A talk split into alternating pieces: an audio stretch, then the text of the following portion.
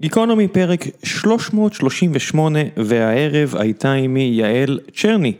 יעל היא מוזיקאית בחסד עליון ולא רק שהיא מוזיקאית נהדרת והיא גם מנצחת אה, בעברה, היא גם מישהי שהקדישה את החלק לא מבוטל מהעשור האחרון בחייה להנגשה של מוזיקה קלאסית לקהל הרחב.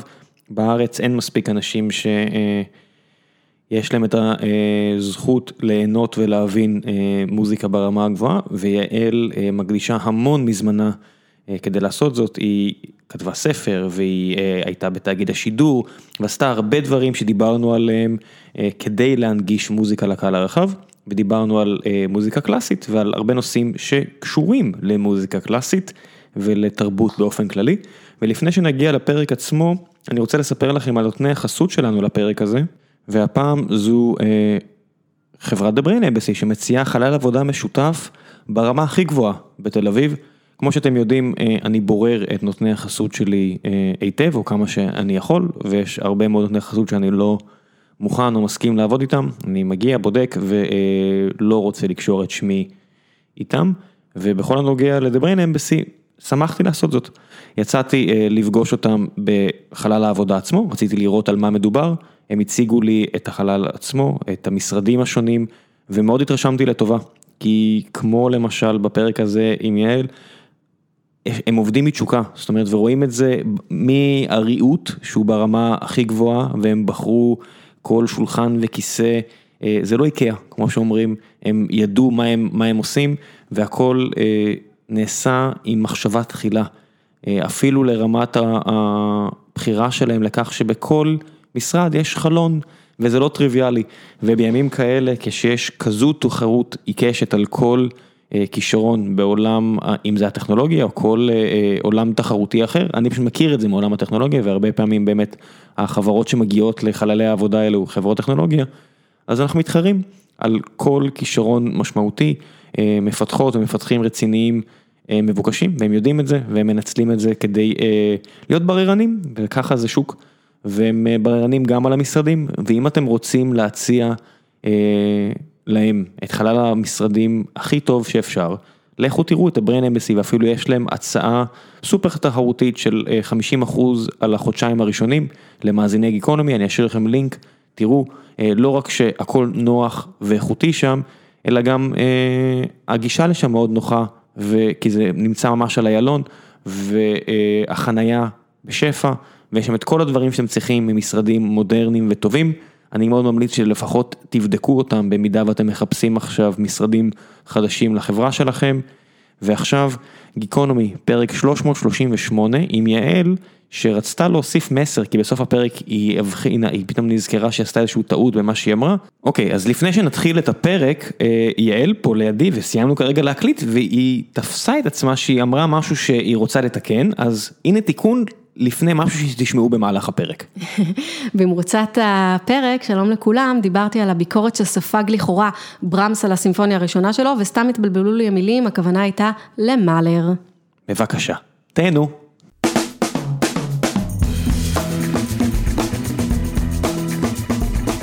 גיקונומי פרק 338, וערב זה, אחד הפרקים המאוחרים שיצא לי להקליט, בדרך כלל הראש שלי ייסע כבר בשעות האלו. את יעל צ'רני. צ'רני. צ'רני.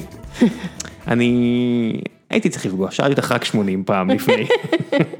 הכל בסדר, נסלח ונשכח. נסלח ונשכח. רוצה לדבר על השם או שנעבור הלאה? לא, אין, אין סיבה. אז עברנו הלאה, עברנו הלאה, כבר דיסקסנו את זה, תדעו לכם, פספסתם שיחה סופר מעניינת, אבל למזלנו יש לכם עוד אה, לא מעט שיחה על מוזיקה קלאסית. אני רציתי כן. לספר לך אה, שאמרתי לך לפני לפני הפרק שיש נושאים שאני מבין בהם יותר, ואז השיחה היא מאוד גיקית והרבה אנשים אומרים אה, לאיפה אהבת, תחזור, אה, כן. שאני מכיר אותם טוב, ומוזיקה קלאסית אני מודה, אני נהנה מזה, זה קצת כמו חומות של תקווה כזה, שהם שומעים ואומרים, טוב, לא טוב, היינו לאחרונה בווינה, זאת אומרת לפני שכל הקורונה וכל הדברים האלה שאפשר עדיין היה לצאת מה... הביצה הקטנה שלנו. כן. וישבתי שם ב... מול הסימפוניה. במוזיק פריים? במוזיק פריים, וממש לשמוע אנשים מנגנים, זה פעם ראשונה בחיי, אני מודה. מה אתה אומר? כן. וואו. אז אמרתי לך שאני לא סתם אדיוטות, אני מייצג את האידיוטים, זאת אומרת ברמה של חוסר ידע אבל, אבל קיצוני. זה, זה ממש ממש מרתק. איך זה היה בשבילך, סליחה שאני הופכת את התפקידים, אבל איך זה היה בשבילך לשבת בקונצרט פעם ראשונה בווינה? כל כך כיף, ששיניתי את סדר העדפות שלי בספוטיפיי, ועכשיו הוא, שמעתי כל כך הרבה מוזיקה קלאסית ב... זה לא כזה, זה היה לפני שנה כבר. בסוף, אה, בסוף אני אמיר את כולכם ואתם תבינו מה טוב. לא, האמת היא זה פשוט בורות, כי כשאתה. נמצא מול אה, כל כך הרבה תוכן שהוא זר לך, אתה אפילו לא יודע מאיפה להתחיל. נכון, נכון, נכון. אבל אני מקדישה הרבה, באמת, מהשנים האחרונות בחיי, בדבר הזה שנקרא תיווך עם כל סלידתי מהמונח, תיווך של מוזיקה קלאסית לקהל הרחב. בדיוק בשביל לאפשר לאנשים שבאים עם, בוא נאמר, קרוב לאפס ידע. בורות. אה, לא הייתי רוצה להשתמש במילה כל כך קשה, כי אני חושבת ששווה לשמור אותה לדברים הקריטיים של החיים. אה, אני חושבת שנורא לגיטימי ומתבקש שאנשים, בטח בישראל, לא תהיה להם גישה בכלל לעולם הזה, זה בסך הכל גוף ידע, אומנות גבוהה, והיא באמת אומנות שדורשת פניות נפשית, רגשית, ואפילו גם אינטלקטואלית, ולא מעט צניעות, וזמן, זמן, המון זמן. ומי שלא נחשף לזה באופן טבעי, אין שום סיבה שידע בהכרח להתחבר לזה. זו שפה. כן. הייתי אומר שכמו אוכל טוב צריך גם כישורים פיזיולוגיים כאלה ואחרים כדי להעריך את זה, אבל אני לא באמת Mm. מאמין בזה, זאת אומרת היה את הסרט הזה של אה, ג'ירו על סושי שהוא אומר אה, שהוא יכול להעריך את הסושי הגבוה של טוקיו כי יש לו חך רגיש דיו, כן, אבל האמת היא שמוזיקה קלאסית זה, זה Mm. טכנית כל כך מוצלח. ויש כל כך, יש גוף יצירה כזה אדיר שנבנה באיזה 300-400 שנה של יצירתיות ש... יותר, 500-600. אוקיי, ש, שנורא קל למצוא דברים שהם אבסולוטית טובים, שאני... לא, זה ברור שהם אבסולוטית טובים, הבעיה היא הקלט. זאת אומרת, כמו כל דבר, כמו שבלוטו טעם, שמעתי את חיים כהן מדבר ב-MKR, אה, מול אנשים שמתיימרים לעסוק בבישול, והסקרנות והפתיחות הייתה מעבר להם, כן? והוא הסביר להם, הוא אמר להם, אתם חייבים לפתח את הבלוטות שלכם, זה לא יעזור, אתם רוצים לעסוק במשהו, אתם חייבים לפתח אותו. עכשיו, אני לא מתיימרת לדבר איתך פה פיזיולוגית, על אף שזה אזור שאני מאוד מתעניינת בו, בפרט בזמן האחרון. ממש עצמות האוזן וכאלו. ממש, זאת אומרת, כן, אבל זה ברור שה... לא, לא האוזן, אבל המוח שלנו, וזה לא אני אה, ייסדתי, אלא אנשים באמת אה, שהקדישו את חייהם לזה, שנקראים פסיכואקוסטיקנים, בוודאי שבמוח שלנו, כמו כל חוויה, גם אה, אה, חוויית ההקשבה למוזיקה קלאסית היא אירוע מתמשך ונבנה ומשתבח. אז למעשה אנחנו בהחלט עוסקים בהשבחת בלוטות האוזן נקרא לזה, או השמע, כשאנחנו חושפים אנשים למוזיקה קלאסית, ועושים את זה באופן הדרגתי אם אתה חכם אה, ועדין, לא בבת אחת דברים מאוד מאוד קשים לשמיעה, מאוד קשים, לפעמים אנשים קשה להם רגשית עם, עם רפרטואר מסוים. כן, זה מצחיק, אני לפעמים מסתכל על זה, אה, שאני חושב בדיוק על הנושא שאת אמרת, ויצא לי לחשוב על לא מעט, בסופו של דבר יש איזשהו אה, רידוד של הרבה מאוד אותות, הרבה מאוד סינוסים כאלה ואחרים, שבסוף מגיעים אלינו כביכול כמקשה אחת, אבל האוזן המקצועית מסוגלת לפרק את זה גם בלי האמצעים הטכנולוגיים, שאני, שזה יותר העולם, בוא נגיד, ה-day to day שלי, שאת תגידי, אה, איזה, יפה הצ'לו פה, או הכינורות פה מביאים עבודה נהדרת, ולאדיוטות זה יהיה, אה, לרוב זה בדרך כלל יהיה ההבחנה איך שאני רואה את זה, אני מקבל את זה ברמת היפה, לא יפה, טוב, לא טוב. זאת אומרת, כשאתה לא מבין בכלל, זה, זה העולם המינו... זה, זה העולם שלך. אוקיי. די בינארי כזה ושטוח. אוקיי, אז זו אמירה קצת קיצונית, אבל אה, אין לי ברירה אלא לומר בספרי, העיקר זה הקלאסיקה, אז אה, שיצא בהוצאת מודן ומבוסס על סדרת הרצאות שלי שעוסקת בדיוק במה שאתה מדבר, אני ממש מסבירה שם ומפרטת את מה שדיברת עליו, אה, שהוא יותר מורכב ממה שתיארת, אבל לצורך הפשטה אתה צודק במה שאתה אומר, ויהיה לי קל אה, להשתמש באנלוגיה של צבעים. זאת אומרת, אפשר, אני יכולה לבוא לבן משפחה שלי, ששומע רק שחור לבן, ובעצם ללמד אותו, במרוצת ה-X שנים שהוא חי במחיצתי, אה, שיש גם ורוד ויש גם סגול, ובתוך הסגול הזה יש סגול לילך, ויש סגול כהה, ויש ורוד אה, כזה ואחר, וזה לא רק לשמוע את הכינור שהוא נורא יפה, או את הצ'לו, אלא זה לשמוע במוזיקה עצמה כל מיני דברים, שאדם שלא מחונך לשמוע אותם, הוא לא יכול, אין לו את האפשרות הקוגניטיבית לשמוע אותם. עכשיו, זה נשמע מתנשא וחוסם, וזאת לא הכוונה. מה מתנשא וחוסם? זה הכי מדע שיש, זה ממש מדע, זאת אומרת צריך להבין שזה גוף ידע. עכשיו, בשביל להבין בגוף הידע הזה, חייבים ללמוד אותו. אז אני לא אומרת שהדבר הוא לא בלתי אפשרי, אבל אני אומרת שהוא דורש משאבים. וכמו כל דבר שאנשים רוצים להבין בו, הם צריכים להשקיע בו. אז אדם שפותח את הוולקירות של וגנר, הוא אומר, מה זה הדבר הזה, זה בלתי שמיע בעליל. זה בלתי שמיע? לא חוקי. אז זה, אפשר לדון בזה רגע בנפרד, כי אני באמת גם, כן, מייצגת פה פלג חריג. אי אפשר לצפות מבן אדם לעכל חומרים מסוימים בבת אחת, בלי שמוחו ואוזנו נבנו לקראת הדבר הזה, וגם לפעמים גם ליבו ונפשו. כן, ובחרת פה בדיוק משהו, כי הרבה פעמים שאנחנו שומעים היום מוזיקה מה-40 שנה האחרונות, לרוב, אנשים, אתה יודע, נגיד, נגיד, אזור ה-40 צפונה דרומה, יש איזשהו חיבור רגשי למוזיקה. היי, השיר הזה, אני מכיר אותו מאיזה רגע בחיים שלי, או זה היה בסדרה, זה היה בסרט, זאת אומרת, פיקסיס, where is my mind, מולחם כבר לסצנת סיום במועדון קרב. אז את בחרת פה במקרה נעימה. שהיא מולחמת מבחינתי בראש למסוקים באוויר, לא יעזור כלום, להאשים את אפוקליפסה עכשיו וקובריק, שאין מה לעשות. אין מה להאשים, אני אתיימר ואומר שאם וגנר היה חי במאה ה-20, הרי שלזה הוא בדיוק היה שואף. פשיזם בוודאי, זה גם... לא, לא רק, עזוב פשיזם, אלא לאיחוד האומנויות הזה, זאת אומרת, אם שנייה נגיד מילה על וגנר, אז וגנר חלק מגדולתו הבלתי מעורערת, היא העובדה שהוא היה פורץ דרך בעניין הזה של לאחד אומנויות, דבר שהאומנות החמישית, הקולנוע עשה במאה ה-20, וגנר כבר היטיב להבין הרבה לפני הסיפור הזה של קולנוע. כי הוא אמר אופרה לא תהיה X, אלא תהיה Y, אני לא אלאה אותנו עכשיו בדבר הזה. תני, זה מעניין, תני קצת. הוא אמר שהתפאורה והכוריאוגרפיה אם יש, והתלבושות, והבימוי, והטקסט, והמוזיקה, כולם אומנויות שוות.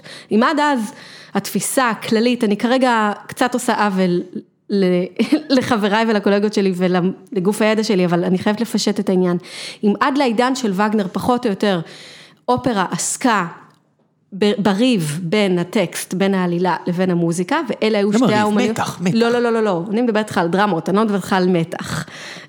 הסיפור הזה של טקסט ומוזיקה זה הרבה מעבר למתחים לאורך ההיסטוריה, באופרה זה גם בא לידי ביטוי, ואלה היו שתי האומנויות הבולטות. דברים אחרים היו באמת פחות מרכזיים, גם תפקיד התזמורת, דרך אגב, היה פחות מרכזי.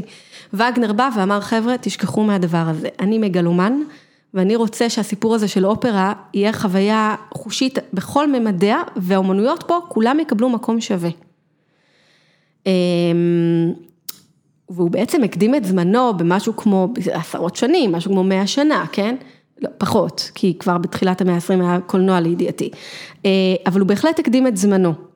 אני באמת אתיימר, כמובן שמי אני ומי שם אותי לזה, אבל מבחינת האידיאולוגיה של וגנר, אם מישהו היה גאה בזה שלוקחים מוטיב שלו כל כך מרכזי ושמים אותו בסרט, בטח כמו אפוקליפסה עכשיו, הרי שזה היה וגנר. שמונה שנים של סרט, של הפקת סרט, זה קלאסי על מה שאת אמרת עכשיו, זאת אומרת, הבמאי של הסרט הזה נראה כאילו, לא בחר סתם מהבחינה הזו. כן, וזה גם משהו שווגנר, זה מוטיב מאוד מאוד קליט, זאת אומרת, זה מוטיב, אתה יודע, שבאמת כל אדם לא צריך במקרה הזה שום התפתחות מוזיקלית או מוזיקאית בשביל להתרשם ממנו וגם לחוש בו את ה... כן, את דהרת, אבל לחוש בו את הפשיזם, זה, זה, זה זועק את זה. לעומת זאת, אני מוכרחה לציין שאני הרבה עוסקת בקשר בין מוזיקה לבין סדרות, סדרות דרמה, כלומר על המסך, יש לי אפילו סדרות שעוסקות בזה, ובסדרה המופלאה, הכתר, בנטפליקס, מי שערך את המוזיקה הוא גאון תחת כל קריטריון והוא שם שם וגנר אחר לחלוטין, שמי שהוא לא מוזיקאי ולא מכיר את הווגנר זה פשוט מפספס חלק מהעלילה, כי זאת גאונות של במאי ועורך מוזיקה שהוא פשוט לא נותן למוזיקה ללוות או להאיר צבע על העלילה, אלא ממש מוסיף בקו שלם. ושם יש שימוש גאוני במוזיקה של וגנר וכששמעתי את זה אני באמת לא יכולה להסביר עד כמה אני התרגשתי כי כי באמת אמרתי, אם וגנר היה היום חי, הוא אמר וואלה, אם לוקחים כבר את הליבסטוד שלי, שזה באמת אחת מהסצנות הכי חזקות שנראו על במה, של גסיסה, של, של, לא חשוב, סצנה אדירה, מישהו היה מאמין שלוקחים את הדבר הזה ומצרפים אותו דווקא לסצנה הזו, אז, אז הרי לשם כיוונתי. של בית המלוכה הבריטי, לא בדיוק החברים הכי טובים של הגרמנים. לא מדויק, בגלל ששם היו נישואים דווקא נכון. עם נאצים. אה, כן, וגם בסופו של דבר, משפחה נאצית. מלחמת העולם הראשונה בתקופה הזאת של וגנר הם כולם בני דודים. בדיוק, הם כולם איכשהו קשורים הרי, וזאת האליטה, והיו שם כל כך הרבה רבדים בשימוש הזה בווגנר, אה, היסטוריים ומוזיקליים ועלילתיים שמבוססים על ה Liebestod, על טריסטן ואיזולדה, האופרה ששם הם השתמשו בו, ואתה ממש אומר, נתתי על זה אחר כך הרצאה לאנשים שלא היה להם מושג, ו, ובעזרת בעזרת הכניסה לעולם של וגנר ולאופרה, הם פשוט קיבלו מימד שלם שהוא חלק מהעלילה של הכתר. אם כן, לא כן. יודעים אותו, פשוט לא מבינים את הסצנה האטומה. תשמעי, יש, יש פה איפשהו, אה, לא יודע, שלושה ארבעה קילומטרים מאיתנו, אני מניח שעכשיו יושב ורואה חדשות מר קווינטן טרנטינו, שיגיד לך שאת יודעת שהוא בוחר את הפס כל הסרטים שלו, כל פיפס על המסך, זה בדיוק הגישה הטוטאלית הזו של, אין בעיה, אתה יכול ליהנות מהרובד הכי בסיסי, אבל כל פיקסל על המסך, כל תו שאתה שומע, עבורי יש משמעות. כן. זה כזה סטייל יוליסס כזה, שאני אעשה עבודה למאה שנה של אה, מבקרי ספרות, שאני אעסיק אתכם למה התכוונתי פה. אני כבר כותבת את המאמר כשאני מביים. כן, זה כזה. מאמר שייצא בפקולטה לקולנוע באוניברסיטת תל אביב. כן. אה, כן. כן, או ב-NYU. כן. whatever, אני אני מניח שעכשיו שהוא פה, אז הוא באמת רוצה להעסיק את עכשיו הוא האנשים. יושב בקפה שלי. בזוריק? בזוריק, כן. כן, אה, אז כן, כל פעם אה, אנחנו רואים את המשחקים של הפועל באר שבע לא רחוק משם, וכל פעם שאני עובר בדרך לשם, כן. אה, אני אומר, אולי אני אראה את קווינטן טרנטינו. כן, כולנו, מקווים ומצפים. כן, איזה- obscene זה. זה, זה, לא, זה באמת obscene, זה, זו, זאת המילה המדויקת. זאת המילה המדויקת. איזה אבסין זה. זה משהו. וזה באמת, מישהו היטיב אה, להגיד, זה אשכרה התסריטאי שיושב ואתה מאמין לו שיצא סרט בתל אביב. זה הבן אדם היחידי שכותב תסריט ואשכרה יהיה, סרט. יש רק עוד אחד, את יודעת. מי? יש לו רק עוד אחד בקנה. אה, נכון, הוא אמר שהוא יפסיק עם זה, אה, כן, הוא רוצה להתמסר ל, לילד ולאשתו. צודק. יש, כן, יש, מטר, יש מטרות אה, פחות אה, ראויות. בחיים מאשר. אה, משפחה. נכון. כן, אז בחזרה למוזיקה קלאסית, אה, עד כמה זה מפריע לך שהרבה מאוד אנשים שמתעסקים בתחום, זאת אומרת הציבור הרחב מכיר רק את קצה הקרחון של העשייה שלהם, זאת אומרת, לא מזמן שמעתי איזה פרק של אה, רדיו לב על בטהובן ועל כך שהיוצר של הפודקאסט, כמוזיקאי קלאסי בהכשרתו, שנא בטהובן כל השנים, כי הוא אמר, זו מוזיקה בנאלית שכולם מכירים אותה והיא לא מספיק מעניינת, ואז הוא גילה בשלב מסוים שבגלל הבעיות שמיעה, אה, מנגנים את זה לאט מדי. וכל הפרק הם רק אה, מעלים את המהירות, והוא אמר, הוא מצא בכל זאת עניין כלשהו, ואמרתי, וואו, כמה אה, פלוץ אתה צריך להיות, כמה לא, לא, אני- עמוק אתה צריך להיות כדי שמוזיקה ברמה הזו, זה קצת- לא, לא, כן. זו אמירה לא רצינית, סליחה, אני, אני, אני לא יכולה לשבת פה, פרובוקטיבית. כן, זו אמירה, אני לא יכולה, זה לא רציני. אה, בטהובן זה גם לא מקשה אחת, ומה שהוא דיבר עליו, שזה עניין הטמפו, יש הרבה ויכוחים לגבי המטרונום בתקופה של בטהובן, זה לא קשור לשמיעה שלו, לפחות לא לידיעתי, וגם אין שום סיבה שטמפו יהיה קשור לשמיעה. אה, הם בנו שם את התזה הזו, אוקיי, כן. קשה לי לתמוך ב... אני אשים לינק אה, בדף של הפרק, מי שרוצה להתעמק, אני מן הסתם לא אעשה, עוול אם אני, גם בלי הכשרה וגם. בדקה שתיים. מאה אה, אחוז, כן, אז כן. יכול- אז- אני אעצור פה ופשוט אשלח אתכם, כי זה היה סופר מעניין. סבבה. איך אני, איך אני, לתחילת השאלה שלך, איך אני כן. מרגישה עם העובדה שאנחנו בעצם עב"מים, אם אני מבינה נכון את השאלה. כן, כל מה שאנחנו רואים, הציבור הרחב רק רואה אורות בשמיים, כן. ו- ולא רואה את הגלקסיה הרחוקה ההיא, זאת אומרת, בסוף אנחנו מכירים אה, קמצוץ, כן. מכמו שאמרת, 500 שנה של עבודה. כן. תראה, אני נורא רגילה לזה, כי אני, בניגוד לבאמת הרוב המכריע של המוזיקאים, אני באה ממשפחה שהיא לא של מוזיקאים. אז אצלי הזרות היא מובנית. זאת אומרת, אני גדלתי בבית שאין לו מושג מה עובר לי בראש, למה אני מזמזמת כל הזמן, באיזה גיל אז התחלת? חמש. אוקיי, אז, אז משהו פה, בדרך כלל במשפחות כאלה של אה, מזרח אירופאים שאוהבים מוזיקה, יש פסנתר בבית. נכון. זאת אומרת, אני לא קצת- מגיע ממשפחה כזאת, אבל שמעתי שיש משפחות כאלה, ואז אתה כן. מפתח אוזן מוזיקלית, יש כאילו ממש תלם שנחפר למוזיקאים אה, קלאסיים, כן. שבדרך כלל זה ככה. כן, אז מפאת אה, כבודם של הוריי, היקרים והאהובים, אה, ומכיוון שכבר דיברתי על זה בראיונות וחטפתי, אז אני... אה, לי לי אסור לדבר על זוגתי למשל, יש חוקים, כן. בדיוק, אז אני אמתן, ואני אסביר שזה היה קצת יותר מורכב, זאת אומרת, אתה צודק שיש איזשהו שורש, אבל הם עצמם רחוקים מלהיות מוזיקאים, אה, ואני מאוד עדינה במילותיי, וזה בטח לא הלך הרוח שהיה במשפחה. אז אני בעצם באתי באמת כמו יצור חריג מאוד, עם איזה הלך רוח מאוד שונה. וזה באת, אמרת בגיל חמש כבר התחלתי לנגן. בדיוק, זאת אומרת, נולדתי עם איזה פאק, אה, עם איזה מבנה מסוים נקרא לו, אני לא יודעת אם הוא נוירולוגי, אם הוא נפשי, אין לי מושג, ומגיל מאוד צעיר, אפילו לפני חמש, אני כל הזמן התעסקתי במוזיקה, זאת אומרת. כך סיפרו לך או שיש לך איזשהו זיכרון? לא, לא, א', זה זיכרון שלי חד משמעי, וגם, אה, וכך, וגם זה ידוע, זאת אומרת, זה, כן, זה חד It משמעי. is known. It is known במשפחה, ואני כל הזמן ביקשתי לנגן ולשיר, זאת אומרת, זה נבע ממני, על מה? על פסנתר. אז היה פסנתר בבית. היה פסנתר בבית באיזשהו שלב, לא מההתחלה. אה, הוא הגיע, הוא הגיע בגיל חמש, ואז התחלתי לנגן. איך, איך ילדה בת חמש יודעת לבקש פסנתר בכלל? איפה, נחש... איפה את נחשפת לפסנתר? אה, אני לא ממש זוכרת איך זה עבד, אני כל הזמן ביקשתי לשיר בוודאות, ואני חושבת שבשלב מסוים האחים שלי כן נשלחו ללמוד פסנתר, ואני אמרתי, תנו לי את הדבר הזה מיד, זה, זה מה שאני רוצה. אה, אז המשיכה הייתה פיזית, גם היום נגיד לשיר, זה עניין פיזי, זה צורך, זה, אני צריכה לאכול ואני צריכה לשיר. כל, כל, ממש כל יום, יומיים? אני או... חייבת לשיר. עכשיו, אם אתה תוקע אותי במקום יומיים ואני לא שרה, נאגרים בי עצבים. נאגרים בי דברים שצריכים לצאת. אז אני לא יודעת אם זה, אתה יודע, בערבות השנים, משהו שנהיה והוא לא באמת פיזי, אלא הוא פסיכו-פיזי, אני לא יודעת מה זה, אני אפילו לא, זה לא מעניין אותי כבר. אני יודעת שזה צורך שלי, אני פשוט חייבת לשיר, אחרת לא טוב, אני גם... זה תמיד היה לך ביחד? כן.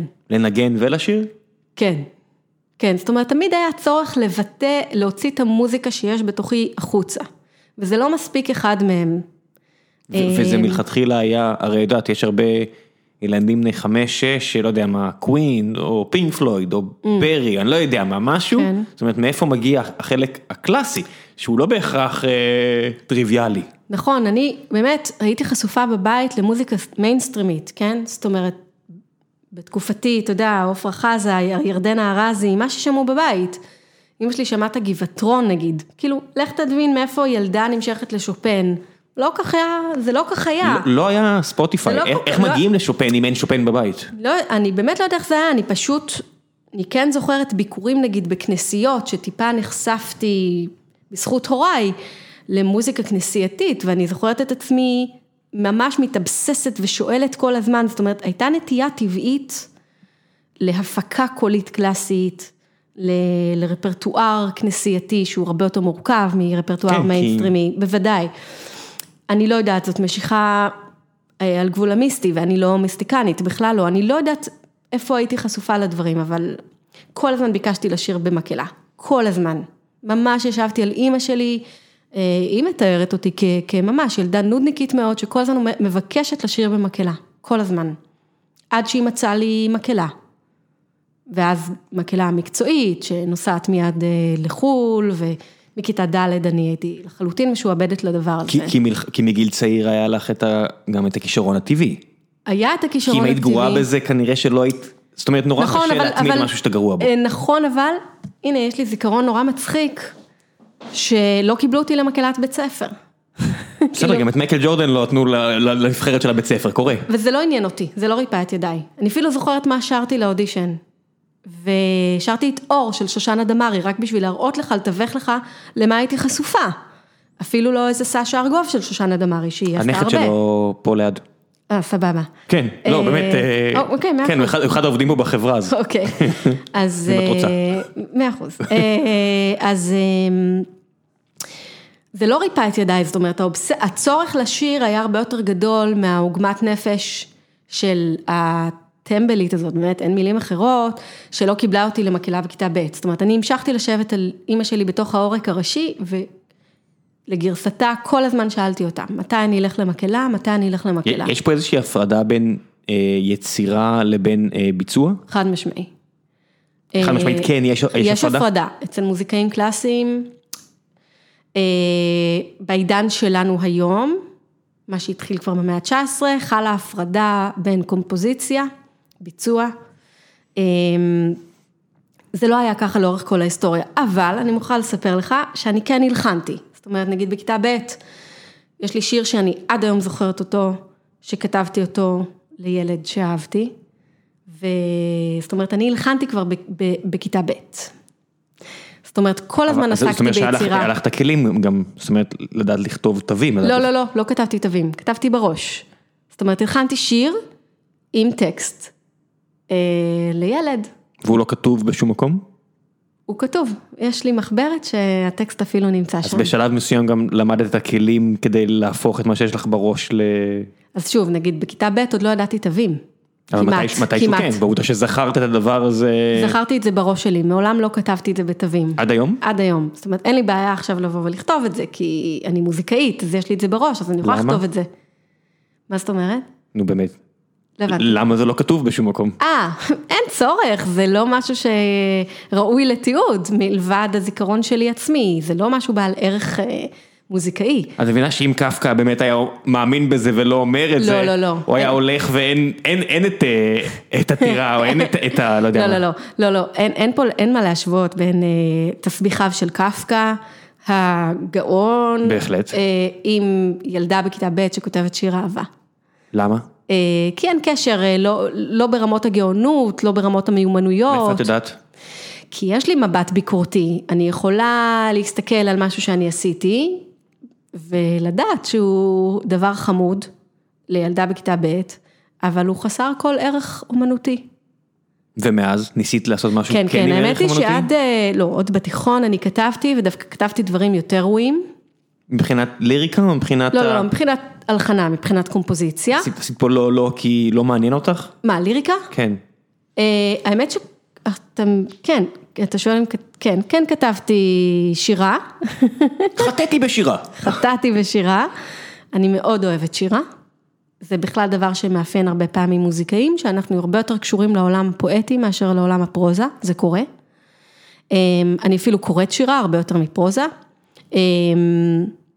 וגם מה שאני שרה, שזה לידר, זה אה, מחייב אותי לעסוק בפואטיקה. מה זה במקרה. לידר? לידר זה השיר האומנותי הגרמני, אה, שהוא בעצם פסגה של שתי האומנויות, זה לקח את הפואטיקה הגרמנית בעיקר, לא רק, אבל בעיקר הגרמנית, הפסגה, זאת אומרת היינה, גוטה, שילר אה, ועוד, טובי ריקה, בני המאה ה-19 שייסדו את התרבות הגרמנית. ובכלל. כן. אה, לג- לגמרי הוא בכלל. ובכלל. לגמרי.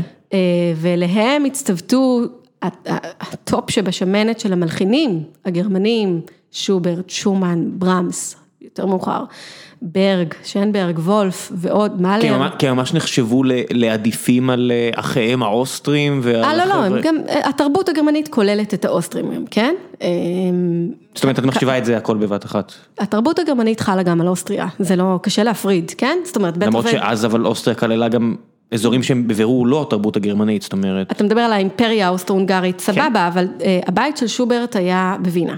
כן. אה, בית של בטמן נמצא גם בווינה וגם, הם גם זזו, אתה יודע, אבל בגדול התרבות הגרמנית, גם האוסטרים הם חלק ממנה. אה, והיו להם השפעות, דרך אגב, בוודאי, האימפריה הזו זה נושא בפני עצמו, אבל כשמדברים על לידר, מדברים על השיר הגרמני האומנותי, שכמובן גם כולל את אוסטריה, אה, או יושבי אוסטריה, אה, והוא בעצם פסגה בעיניי אחת הפסגות של האנושות, לא רק של האומנות, של סינתזה עדינה וכל כך מתוחכמת, זה, זה ברמות הכי גבוהות, כאילו, זה, זה הפסגה האנושית, אין, אין יותר. כן, יש קייס לכך שזה אבסולוטית טוב, כי אפשר ממש לפרוט את זה, את ההרמוניות למתמטיקה. זאת אומרת, בסופו של דבר, אם אני אקח אה, מוזיקה מודרנית, אני צריך לתווך פה למישהו, נגיד לחייזר שמגיע, אני צריך לחבר לו למה זה טוב כנראה. אה, בניגוד למוזיקה שאת מתארת אותה, שאני מניח שיהיה צריך פחות תיווך ויהיה, אה אוקיי, הם פיצחו את העניין, את ההרמוניות האלה והאלה והאלה, והכל מתחבר, everything meshes. אז לא, אמ, מה שאמרת הוא לא נכון. תסבירי למה. אני מתנצלת. לא, זה מעולה. אה, דבר ראשון, כשאנשים מדברים על הרמוניה, אז הם לא יודעים מה זה הרמוניה. זאת אומרת, תסבירי, אה, אז לפני שממשיכים יש הלאה. הבדל מאוד גדול בין הרמוניה בלינגוויסטיקה שלנו, כשאנחנו מדברים על הרמוניה בשפה אנחנו מתכוונים למשהו שהוא נעים והוא מאוזן. הרמוניה במוזיקה היא מושג שאני מצטערת, אני, אני לא אוכל להיכנס אליו, כי הוא בלתי ניתן להסברה בתנאים האלה. אני, אני יכולה להסביר את זה רק באמת בהרצאות עם פסנתר והדגמות, אין, אין לי פה את האפשרות לעשות את זה, ואני רק אגיד שהרמוניה היא חלק מהשפה של המוזיקה הקלאסית המערבית. אה, היא לא קיימת בכל המוזיקות האומנותיות, על אף שהן יכולות להיות מורכבות לא פחות, זה חשוב לי להדגיש. אה, וזה שמשהו הוא הרמוני, במרכאות, במוזיקה לא אומר שהוא יהיה לך בהכרח נעים, נעים. אוקיי? אז מה שאתה בעצם התכוונת להגיד, זה שאתה, שאתה מפרש שכשאני אומרת שזאת פסגה, זה יהיה לך נעים להקשבה, ואני רוצה לומר לך לא. כשאני מדברת על פסגה, אז אני מדברת על פסגה אסתטית, אומנותית, מוזיקלית, ששתי אה, אה, שפות אומנות, פואטיקה ומוזיקה, הגיעו לשיאים שלהם ברמות התחכום שלהם והדיוק שלהם והעדינות שבהם. איפה האובייקטיביות פה? אבל זה לא אומר, זה לא אומר שזה יהיה לך בהכרח קל לעיכול, בכלל לא. זאת אומרת, להקשיב לליד של מאלר בהכרח, בהכרח כן ידרוש מאדם לא פעם. אמ, איזשהו מסע של האזנה מאחוריו, איזושהי כברת דרך, כדי שהוא יוכל להתמסר לזה, בטח לידר של וולף, לידר של ברמס. אמ, יש לי קבוצה שאני עובדת איתה לפני שאני באמת פונה לקהל הרחב, של אנשים שאני סומכת עליהם ואני מכירה אותם, ואני יכולה לאתגר אותם, ואז אני יכולה לבדוק איך זה, איך הם שומעים דברים שבשבילי הם נשמעים נורא נורא טריוויאליים, ופשוטים לשמיעה ולעיכול, ואז אני בודקת את זה מול אדם שהוא הדיוט, אבל אה, אבל בעל סקרנות ואני יכולה לראות את ההבדלים. ואני הרבה פעמים רוצה לומר לך שאני נורא נורא מופתעת. שמה למשל? לא מזמן אה, העברתי איזשהו קורס, אה, איזושהי אישה, איזושהי גברת שהיא מאוד אינטליגנטית ומשכילה אה, באומנויות. כן, כן, אינטליגנציה מה, מהסוג הספציפי מהסוג הזה. מהסוג הספציפי הזה, אבל, אבל לא במוזיקה קלאסית. אה, אז באמת אינטליגנציה פה, לא התכוונתי במובן הקלאסי של המילה, אלא שהמוח שלה באמת מפותח או מורגל, אוקיי? זה בסדר, זה לא, את לא צריכה, את, לא, לא, בחברה באמת, טובה, הכל לא, בסדר. לא, לא, אני, אני באמת חשוב לי לדייק בדברים, לא, לא כי אני מפחדת לצאת מתנשאת, אלא כדי שאני באמת אוכל להיות ברורה. אמ, אז אה, ראיתי שאני שולחת לה איזשהו משהו שהוא הוא פשוט, הוא, הוא פשוט בשבילי לחלוטין של ברמס, אין בו אתגר. והיא אמרה לי, מה שלחת לי את הדבר הזה? זה, זה, זה דבר בלתי אפשרי לשמיעה, זה אפל, וזה גדוש, וזה אינטנסיבי, והיא ממש נלחצה, זאת אומרת, הייתה שם תגובה רגשית מאוד סוערת, על משהו שהיה יחסית מאוד תמים ומאוד רומנטי, בשפה של ברמס. יכולתי להבין, ו- ודיברתי עם קולגה שלי, זאת אומרת, זו הייתה לי הפתעה נורא גדולה, והוא אמר לי, כן, ברור, את יודעת שקשה להם, קשה להם ברמס, איקס, לא משנה חומרים של ברמס, אופוסים של ברמס, איזושהי תקופה שלא, אה, את צריכה ללכת איתם קודם עם איזשהו פורפליי. זה מצחיק, כי אני מנסה לתווך את זה בראש לדברים שאני מכיר, אז לא יודע מה, אני מנסה לחשוב על אה, מוזיקה של... אה, של ג'וני גרינווד, שנגיד הוא יעשה, הגיטריסט של רדיואט, שהוא יחבר mm-hmm. לסרט, mm-hmm. אז ב-There will be blood, וכל מיני סרטים כאלה, שהוא עשה את הפסקול, או The Master, אני חושב שזה גם, גם שלו, אז הוא, יש שם קטעים ארוכים של היי פיץ' סאונד, שאתה קולט שאתה על הקצה של המושב, כי הפסקול שלו הכניס אותך למקום לא נוח, משהו ב... אבל ב... הוא רצה, נכון? בוודאי. אבל פה אנחנו לא מדברים על זה שזה מה שברמס רצה. יש פה חוסר יכולת להבין בכלל את, ה... את הגרמטיקה של ברמס. אבל, ולכן... אם זה, אבל אם נוצרה התחושה הזו, רצה לא רצה, יש פה תחושה שנוצרה. לא, לא, אין שום דבר תראה, מאוד קשה לי לדבר על מוזיקה קלאסית במובנים של אה, אה, רגשות קוהרנטיים וברורים. מכיוון שספציפית מה שהיא שמעה אה, הוא ליד עם טקסט נורא ברור, אז אני ארשה לעצמי להגיד שאין שום דבר אפל במה שהיא שמעה. מה הכוונה טקסט? זאת אומרת, זה ליד, זה, מה שהשמעתי לה זה ליד, זאת אומרת, ברמס כתב ליד של איזשהו משורר, ולא העיר בשום צבע אפל את אותו ליד, וזה משהו שאני כן יכולה די להוכיח אותו מוזיקאית. זה לחלוטין שאיש... איך עושים הוכחה כזו? אני מצטער שאני מתעכב אה, כי זה, כי אני בטוח שגם המאזינים פה... אה, נכון, אה, זה אני באמת, זה תצטרך כאילו לתת לי את הקרדיט. זאת אומרת, אמרתי משהו מאוד מאוד יומרני, שגם אנחנו יכולים להתווכח עליו בתוך המוזיקאים, אבל אני חושבת שאמרתי משהו שהוא די קונצנזוס, זאת אומרת שאם אני אגיד לקולגות שלי, מדובר בליד הזה והזה, אז הם יגידו כן, ברור. היא פשוט, מה שאני רוצה לומר לך זה שכשאתה לא יודע גרמטיקה, אז אתה לא יכול הרבה פעמים לעשות דרש. זאת אומרת, אם אתה לא יודע את הפשט, אתה לא יודע לקרוא, כן, אותיות, אתה לא יכול להבין איפה המושא ואיפה הנושא, זה לא יעזור. כן, אבל אם אני נגיד חושב על אה, מתמטיקה, אז אין באמת, אה, אני לא יכול לבוא לאדם ולהגיד לו, take my word, it is what it is. למה? זאת אומרת, המתמטיקה באיזשהו שלב עברה איזשהו תהליך של אה, בנייה מאפס, ממש לקחו את האקסיומות אה, במאה ה-19, אה, לצורך העניין איזושהי משימה עצומה שקצת נפלה, כי גדל הגיע ואמר לא יקרה, אבל בנו את זה מאפס. בסוף כל הוכחה, אתה יכול לגרור אותה, למתוח קו, עד לאיזושהי אקסיומה נורא נורא קטנה של אם אתה מאמין לי שזה אמת, בוא נגיע עד למגדל בבל העצום הזה שבנינו במאה שנה. במוזיקה קלאסית, זאת אומרת, מה האקסיומות שמהם אפשר לבנות הוכחה? יש שפה שאני לא יכולה לתווך לך את כולה, אבל אני יכולה להגיד לך שבמקרה הזה ספציפית, יש עולם שלם שנקרא מתח והרפאיה. זאת אומרת שמלחין בקומפוזיציה שלו מוצא, מייצר מצבים מתוחים, גם מבחינה הרמונית, שהם יהיו לך אה, באיזשהו מובן, אתה תחפש שיהיה להם פתרון, כן? אתה תחפש שיהיה שם איזשהו, מה שאנשים קוראים לו קתרזיס. אז אני יכולה, במקרה הזה ספציפית, שוב, זה נורא יומרני לדבר על זה בצורה כזאת, זה נורא פשטני, ואני מתנצל, ואני מתנצלת, אבל אני יכולה להוכיח, כן, שהנקודות, או הזמן, או התדירות של המתח בליד הזה הספציפי, הם כל כך מועטים ביחס לקתרזיס שיש שם. בנוסף לזה, אני יכולה להוכיח שהוא השתמש בטקסט שהוא כולו טקסט נורא פסטורלי, אוקיי, נורא רך, נורא נעים, והוא לא הלך נגדו במוזיקה שלו. זאת אומרת, יש מקרים שמוזיקה תאיר צבעים אחרים מהטקסט. כן, בספוט אחר, זה פשוט מת... לא המקרה. שהיא תהיה פחות מתגמלת, זאת אומרת שיהיה קטעים כל כך ארוכים של בילדאפ רק בשביל איזה mm. קתרזיס קטנטן? זה בכלל לא עוסק באורך, זה לא עוסק באורך וזה עוסק ב... ביחס בין המתח וההרפאיה. אז כן, זה יכול לעסוק במשך, כמו שאתה אומר, וזה יכול לעסוק בעוד מלא פרמטרים. זה יכול לעסוק בעוצמה של המתח, כמה זה מתוח, אוקיי? אנחנו מגיבים למוזיקה. אני, אם, אם אתה רוצה, אם זה מעניין אותך, אז אני אכנס למחקר אה, מעולם המדע, שהוא חשוב בשביל להבהיר את הטיעון שלי. הייתי רוצה לשמוע, תגידי לי אם התשובה שאת הולכת לתת, כן. תפתור את זה. האם ההסבר הזה אה, עוזר לך בלתווך כן. את הרעיונות האלה לציבור הרחב? כן. אבל גם כשאת עומדת כמנצחת מול תזמורת, את צריכה בסוף גם להסביר להם את כוונת... לא, לא, זה, זה לא צריך דבר... להסביר למוזיקאים.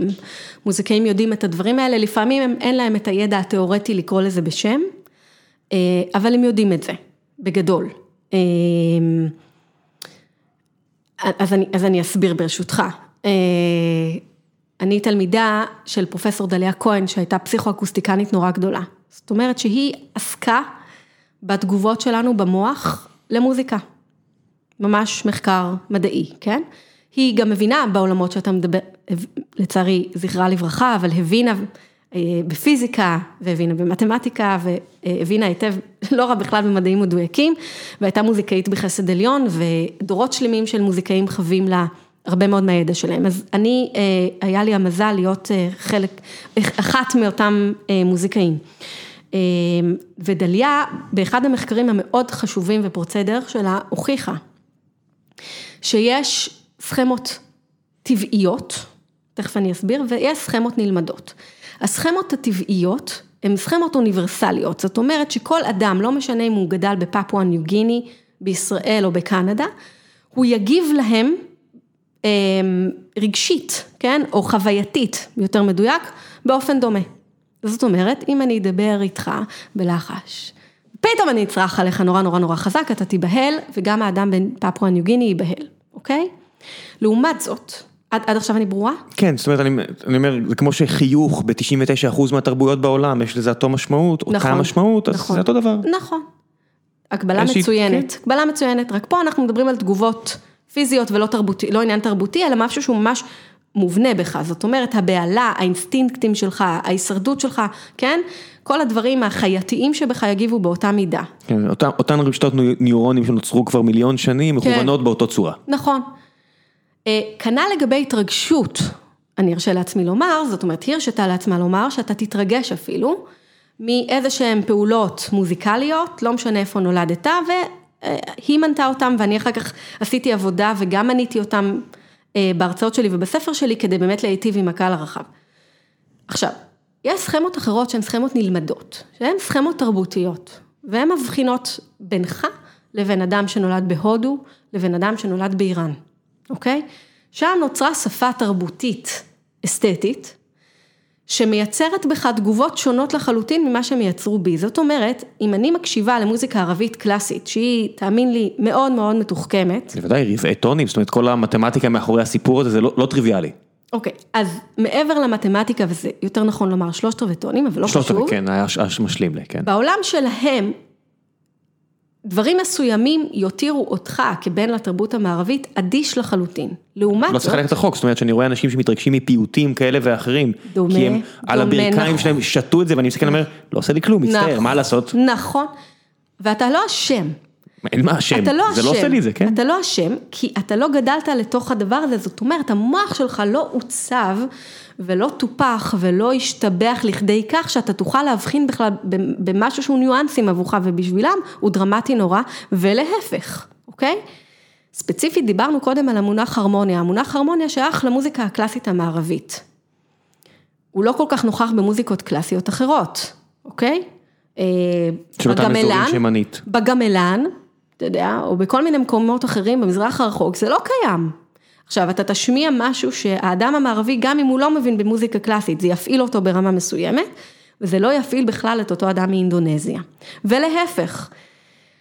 אז מה שאני מנסה לומר פה, הוא שגם האדם שמקשיב לברמס, ברמס במקרה הזה, זאת סכמה נלמדת, זה מה שאני רוצה לומר פה. זאת אומרת, נרכש. אותה אישה שהגיבה, היא באמת, היא כל כך לא מכירה את הגרמטיקה, שהיא בכלל לא מבינה, לא מבינה את העלילה של המוזיקה, כן? במרכאות. היא אפילו לא מבינה את זה, זאת אומרת, היא, היא, היא הלכה לאזורים שהם באמת באמת לא קשורים, ואני חושבת שמה שהקשה עליה, לא חושבת שהיא שמעה אופל כמו שהיא אמרה, אני חושבת אבל שהמוזיקה הייתה עבורה כל כך אינטנסיבית, כי הייתה כל כך מתוחכמת, שהיא תרגמה את זה לאיזה משהו נורא אפל, כי זה היה לה כבד, היה לה כבד ב, באמת בראש. יש חשיבות לכך שברמס הגיע יחסית מאוחר בחיי המוזיקה הקלאסית, בתולדות המוזיקה הקלאסית, זאת אומרת, זה משהו שאם נלך עוד אחורה, אז חבר'ה שגרו בווינה 200 שנה אחורה, אז מה, בגלל שהם התחילו מאפס, שאלה נורא יפה. והיה צריך להיבנות, המור... להיבנות המורכבות הזו? שאלה נורא נורא יפה. אה, התשובה שלה היא מאוד מורכבת. מוזיקה אה, מתקופת הברוק, שהיא תקופה נאיבית יותר אולי. שהיא 200 שנה בערך לפני ברמס, יכולה להיות הרבה יותר מורכבת מאנשים שחיו בתקופה של ברמס. אז אני אעשה רגע סדר. במוזיקה הקלאסית יש תקופות. התקופות הן הרנסאנס, הברוק, התקופה הקלאסית, התקופה הרומנטית, תקופה פוסט-רומנטית, תקופה מודרנית, תקופה פוסט-מודרנית ומוזיקה בת, ימי, בת זמננו. שזה as we speak נכתב, אוקיי? או לפני עשר שנים. בכל תקופה כזאת יש לך יצירות, לאו דווקא מלחינים, אבל יצירות פחות קשות לעיכול ויותר קלות לעיכול. לא הייתי אה, אומרת שבגלל שברמס הוא בן לתקופה הרומנטית, הוא יותר מסובך, לא, כי גם באך מאוד קשה לאנשים, בחלק לא מבוטל מהרפרטואר שלו, אם הייתי משמיעה לך מוזיקה של פלסטרינה, אה, סבירות גבוהה שהיית די מת מזה תוך דקות ספורות, והוא עוד יותר מוקדם. אז בקיצור, זה מורכב, התשובה היא מורכבת. זה, זה, בזמנם זה ממש היה כמו פופ לעומת לא פופ, זאת אומרת, זה מוזיקה שבחצרות השווים יותר, הנסיכים אמרו, לא מקבל את זה. או-הו. אה, אין, אתה, אתה מדבר על מוזיקה קלאסית כאילו עם מקשה אחת, או כאילו מלחינים נהנו מסוג אחד של חיים. אני מדבר אז- ספציפית על, על, אפילו על בראם ספציפית. אה, לא, אז ספציפית, תראה. אה, ברמס בן אה, לתקופה הרומנטית, שכחתי לציין הג- הגרמנית.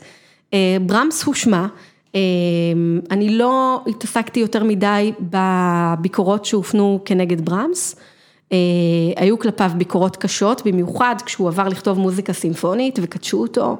ואמרו לו שהוא לא יודע לתזמר, לתזמר זה להחליט איזה כלי מנגן מה, מתי וכמה, אוקיי? זה מלאכת מחשבת שלמה בקומפוזיציה. כן, זה, זה, זה נתפס בעיניי בתור, את יודעת... אה, בצדק, בצדק, כי זה, זה, זאת עבודה נשגבת והיא נפרדת כמעט לעבודת הקומפוזיציה, היא, היא, היא מלאכה בפני עצמה. באמת, הייתי בטוח שזה אותם אנשים. זאת אומרת לא, ש... זה אותו בן אדם כמובן, אבל המלאכה עצמה, המיומנות עצמה, היא נלמדת באופן נפרד, כי אתה צריך, זה עולם שלם, כן, תזמור זה עולם שלם, אוקיי? נשמע, מאוד הגיוני, כן, זה לא משהו שצריך להסביר כן, מעבר. כן, סבבה, אז, אז... אה, ברמס, ביקורת? חטף ביקורת בהחלט, ביקורת מאוד מסרסת דרך אגב, על הסימפוניה הראשונה שלו, בגלל שברמס עסק עד גיל בערך 40, 41 שלו, לא רוצה שיפילו אותי פה, אבל עד שלב מאוחר יחסית בזמנו, בכתיבה בעיקר למוזיקה קאמרית ומוזיקה סולנית, אוקיי? מוזיקה קאמרית זה מוזיקה לכמה אנשים.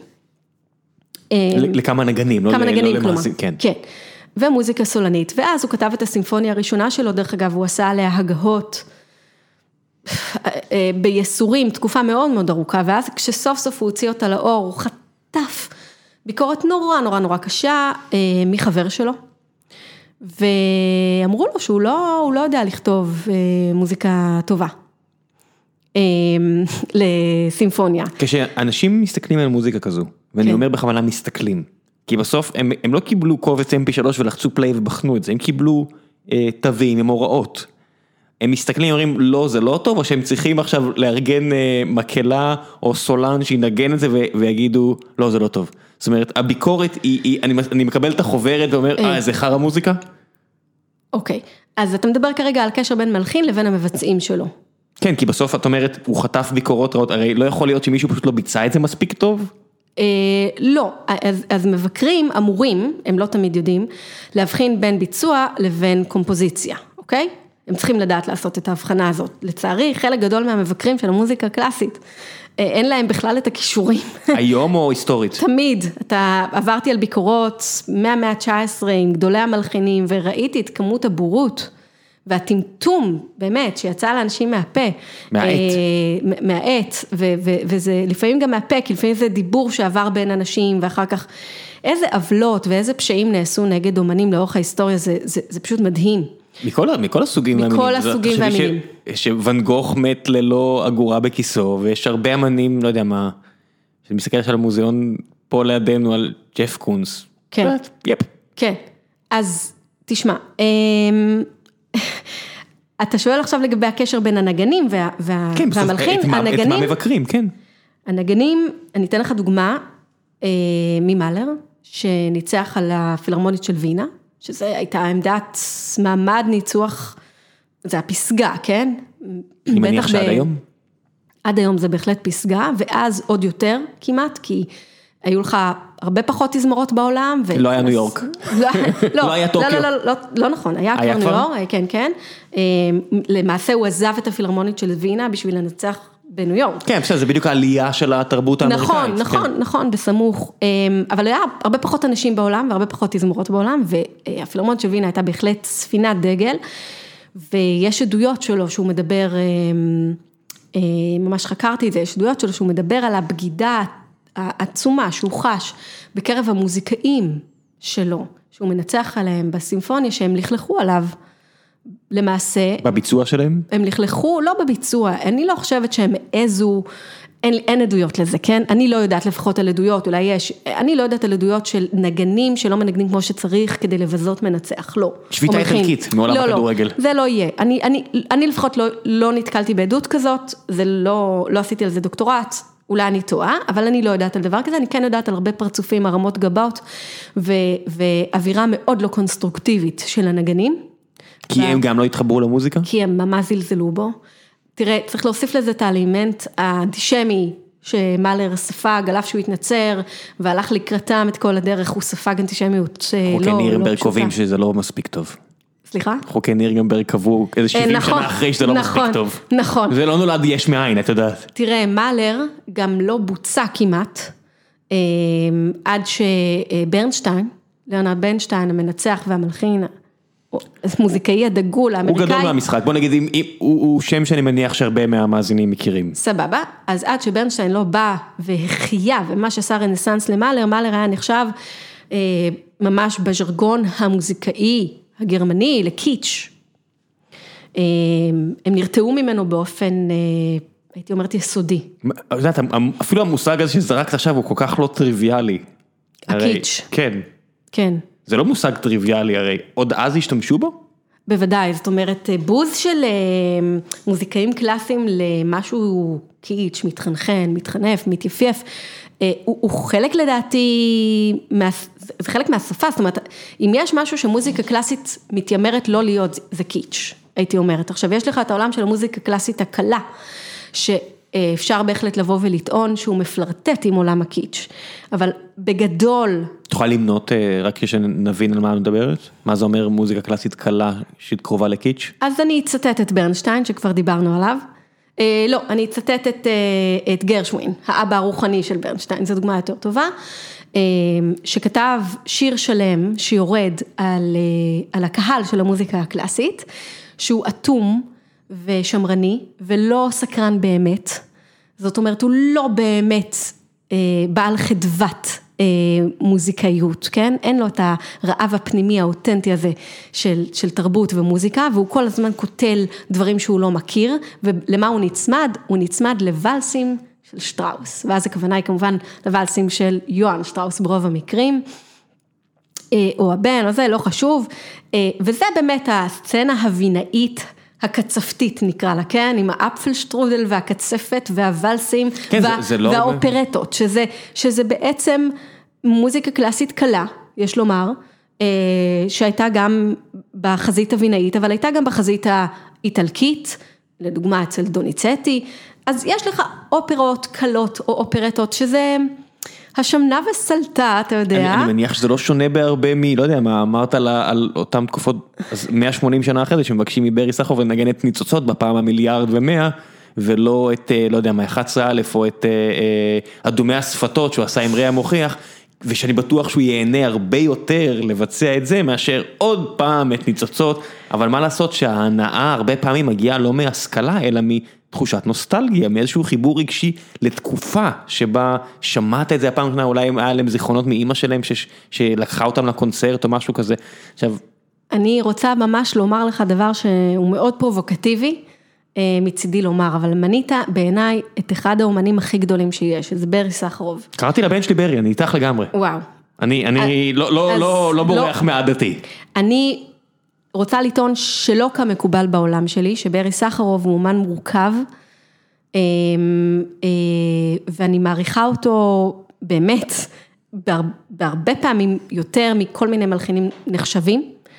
אה, אני חושבת שברי סחרוב הוא תופעה אומנותית אה, של גדולה. במיוחד מה שמנית, דומי השפתות ו-11א, זה פשוט, אני, אני באמת, אני נפעמת, אני יכולה לא לישון בגלל אדומי השפתות. הם, אומרת, הם, זה- הם גם הביאו את זה לעולם שלך, הם עשו את זה בביצוע כמעט קלאסי. אומרת. לא, לא, בוא תפריד אומנותי מקלאסי. עכשיו, אוקיי, עכשיו תסבירי אני. רוצה לציין את רע המוכיח, שאחראי על חלק לא מבוטל מה. ממה שקורה שם. כן. אה, מה שקורה שם, שזה פשוט באמת להוריד את הכובע. אה, השילוב של רע המוכיח וברי סחרוב מבחינתי זה, זה, זה, דיברנו קודם על, פס- על פסגות, שזאת גם, זה סוג של צמד אה, אה, בלתי מנוצח, כן, זה משהו מדהים. כן, לצערי, אחד מהם צריך ללכת לעולמו כדי שבאמת יעריכו את זה. זה מרגיש לי... חס ושלום, חס בוודאי שחס ושלום. ושלום, ואני אומר לך את לא, זה. לא, לא, לא, לא, לא, לא, אני לא חושבת, הם לא... הגיעו לאיזשהו של מקום של, של קיץ', שאנשים מסתכלים מגבוה על היצירות שלהם, ואני אומר, איזה מטומטמים אתם. זאת אומרת, יש לכם את הזכות ללכת לשמוע אותם מנגנים את זה בלייב, ואתם מעדיפים להרים גבה על משהו שהוא אומנותית כל כך גבוה. בעיניי לפחות. כן, אני, למזלי לא נתקלתי באנשים שמעזים להרים גבה על ברי סחרוב, ויכול להיות שזה גם בגלל שאנשים יודעים שהם שלא לעשות את זה לידך. לא, לא, כן, הם מעדיפים את בריאותם. ברי סחרוב הוא אליל תחת כל קריטריון בעיניי, אמ, וגם רע המוכיח, הוא פשוט באמת מוזיקאי בחסד עליון. רגע, שמבצעים את אוקיי, כשהם מבצעים את השפתות. ניצוצות שוב, אוקיי, אז אתה, מה שאתה רפררת עליו קודם מכונה זיכרון חושי. וזה אומר ש... זה אומר שאנשים מקשרים חוש מסוים, יהא זה ריח, טעם, אה, או מוזיקה, או אני לא יודעת מה עוד, עם חוויה מסוימת שהם עברו, אוקיי? נפרדת מחברה שלך ובגלגלצ היה ניצוצות, יפ. אז זהו. אז זה כמו החתמה נקרא לזה, שיש זה מה שזה. בבעלי חיים זה אוקיי, זה החתמה. מה שזה, כן, אנחנו לא שונים בהרבה מהבחינה הזו. כן. כש, כשגרשווין אה, מכה בשמרנות של הקהל הבינאי אה, או האמריקאי, אבל שמתרפק כל הזמן על ואלסים של שטראוס, יכול להיות שזה עוסק גם בזיכרון חושי. אני, חושב, אני חושבת, אולי אני טועה, שהוא במיוחד מדבר על טעם שנלכד בזמן מסוים של בן אדם, בתקופה מסוימת, שאחריו הוא איבד את הסקרנות. עכשיו, אנחנו יודעים שזה קורה בחיים. וזה הליך אורגני שגם לדעתי צריך לכבד אותו. זאת אומרת, אדם מתפתח בשנים מסוימות בחיים, צובר, צובר, מכניס, מכניס, יש לו יכולת לאבד גם רגשית, יש לו גם יותר זמן קוגניטיב. גם. יש לו זמן, יש לו פניות, זה דבר נורא חשוב. תמיד אנשים אומרים, למה יש זקנים בקהל של המוזיקה? אתם רואים את עצמכם עם משכנתה, 800 ילדים, עבודות וזה, אשכרה מתפנים לחוויה של סימפוניה שמינית של מאלר עכשיו, כאילו זה תלוש, זה לא, זה לא חלק אני- מההוויה. אני, אני מודה שאני לא מקבל את הדברים האלה, זאת אומרת, אני, כן. אחד הדברים שאומרים, למה הם אומרים ריאליטי? כי הם מסיימים את סוף היום עייפים והכל. זאת אומרת, אני, אני עשיתי את הפודקאסט הזה, לפני שבע שנים התחלנו, בדיוק כדי להגיד, לא, יש לך זמן פנוי, אל תיתן לעצמך תירוצים. אם אתה רואה בזה משהו אה, ראוי, אל תיתן לעצמך תירוצים ולך תעשה את זה. מריצה ועד לתרבות גבוהה וכל דבר אחר. זאת אומרת, אני לא מקבל את ה- אוקיי, את כמה... העניין כ- של העייפות ונקל על עצמנו. לא, אבל אנשים הולכים, לצרוך סוכר, ואת כל צורותיו השונות. אוקיי, אבל כמה כמוך יש? זאת אומרת, מספיק. לא, תראה, המציאות מדברת בעד עצמה, אנחנו יודעים כבר דורות שאנשים, לרוב הקהל של מוזיקה קלאסית הוא עד גיל איקס, ואז מ... ויש עכשיו הפסקה של 10, 20, 30 שנה, ואחר כך הוא חוזר, לרוב. זאת אומרת, גם אני לא מצפה מאנשים עם טרדות קיומם, במיוחד אנשים שלא ספגו מוזיקה קלאסית, כן? אה, למצוא את המקום בלב ובנפש שלהם, ובאמת להצליח להתנתק מטרדות היום, ולהעמיס על עצמם אתגר, שלא פעם קונצרטים בהחלט מעמיסים. כן, כן? לא, אני, אני אגיד לך, מאוד קשה לי אה, עם תוכן מאתגר כזה עבורי, זה בשלב מסוים, אני, מעבר לזה שכולנו נרקומנים של מסכים והכל, אה, אפילו מחזות זמר, שזוגתי עבדה בתיאטרון, אז הייתי צריך ללכת ולראות, את יודעת, כי זה חלק. מהחיים שלה, אז אפילו הלכנו בניו יורק ל... ל למחזמר שהיית אומרת שיהיה לי הכי קל, כזה של, של היוצרים של סאוס פארק, של Book of Mormon, שאני אומר, זה בדיוק עולם התוכן שלי, מהאנשים שאני מחשיב להכי מבריקים, ושעה וחצי פנימה אני כבר, I'm jonesing, אני כזה, מתי זה ייגמר? זאת אומרת, אין, כשזה קשה לך, אז עדיף שזה יהיה קצר עבורך, והדברים האלה שאת מדברת עליהם הם לא קצרים הרבה פעמים. נכון, גם קרה עכשיו משהו בעקבות הקורונה, שבעיניי הוא מאוד חיובי. זה העובדה שחייבים לבטל הפסקות בקונצרטים. כדי שלא כדי יתעוררו שלא אחד- יהיה זה.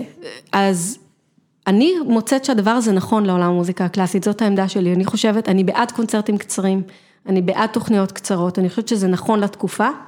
לידיעת המאזין בזוריק, אה, בזוריק. תחזיר- תחזיר את העורך, את המטה שלך ותקצר את הסרטים. לא, לא, לא, אין- אני לא רוצה לומר דבר על, על עולמות אחרים, רק על העולמות שבהם כאילו צברתי. איזשהו קילומטראז', במיוחד בהיכרות שלי מול הדיוטות, מה שאתה קורא לו הדיוטות ואני קוראת לו זה מה שזה, למה... זה בסדר, כן, זה בסדר, זה גם מותר, זאת אומרת, אני הדיוטה בקשר לחשמל, אין לי מושג מה זה חשמל. זה לא עם א', זה עם A. אני מבינה, לא מכירים, כן. חד משמעי.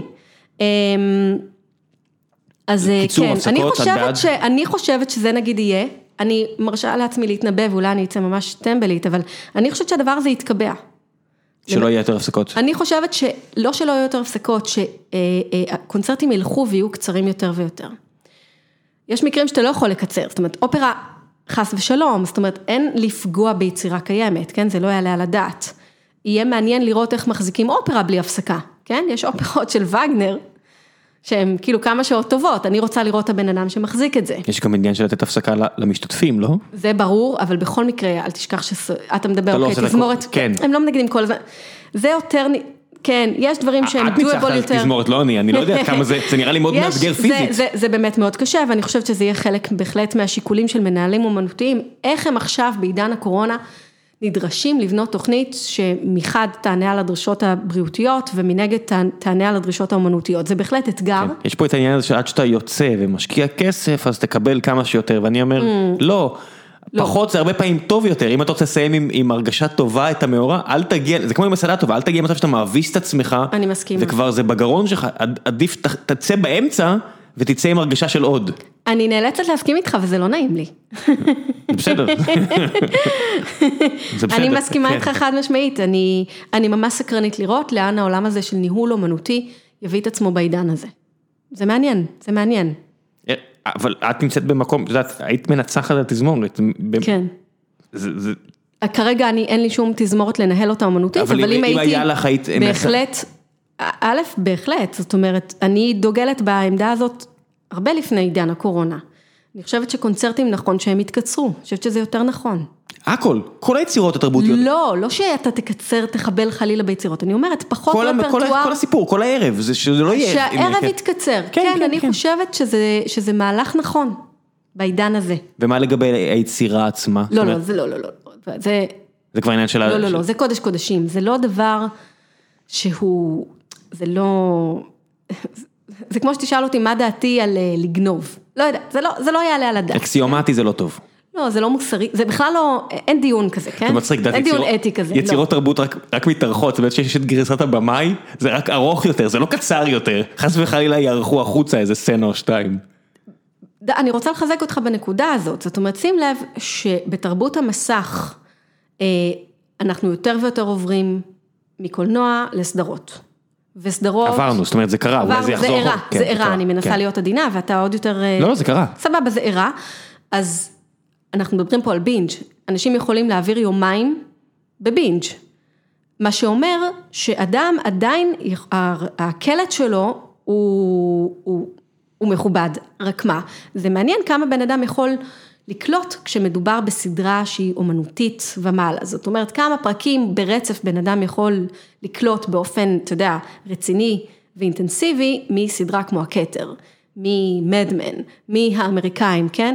וזאת שאלה אחרת. כן, זה לא טרמה, זאת אומרת, אם, אם אני אלך למקום שהוא יותר מוזיקלי, סדרה כמו טרמה, זאת אומרת, כאחד שיצא מהסמויה ואמרתי רק תן לי עוד מהיוצר הזה, אז שם שהוא ניסה אה, להפוך משהו לפחות נעים ולהקשות עליי, אמרתי אוקיי, אני אסתפק בחצי פרק ואני אמשיך את זה פעם או, אחרת.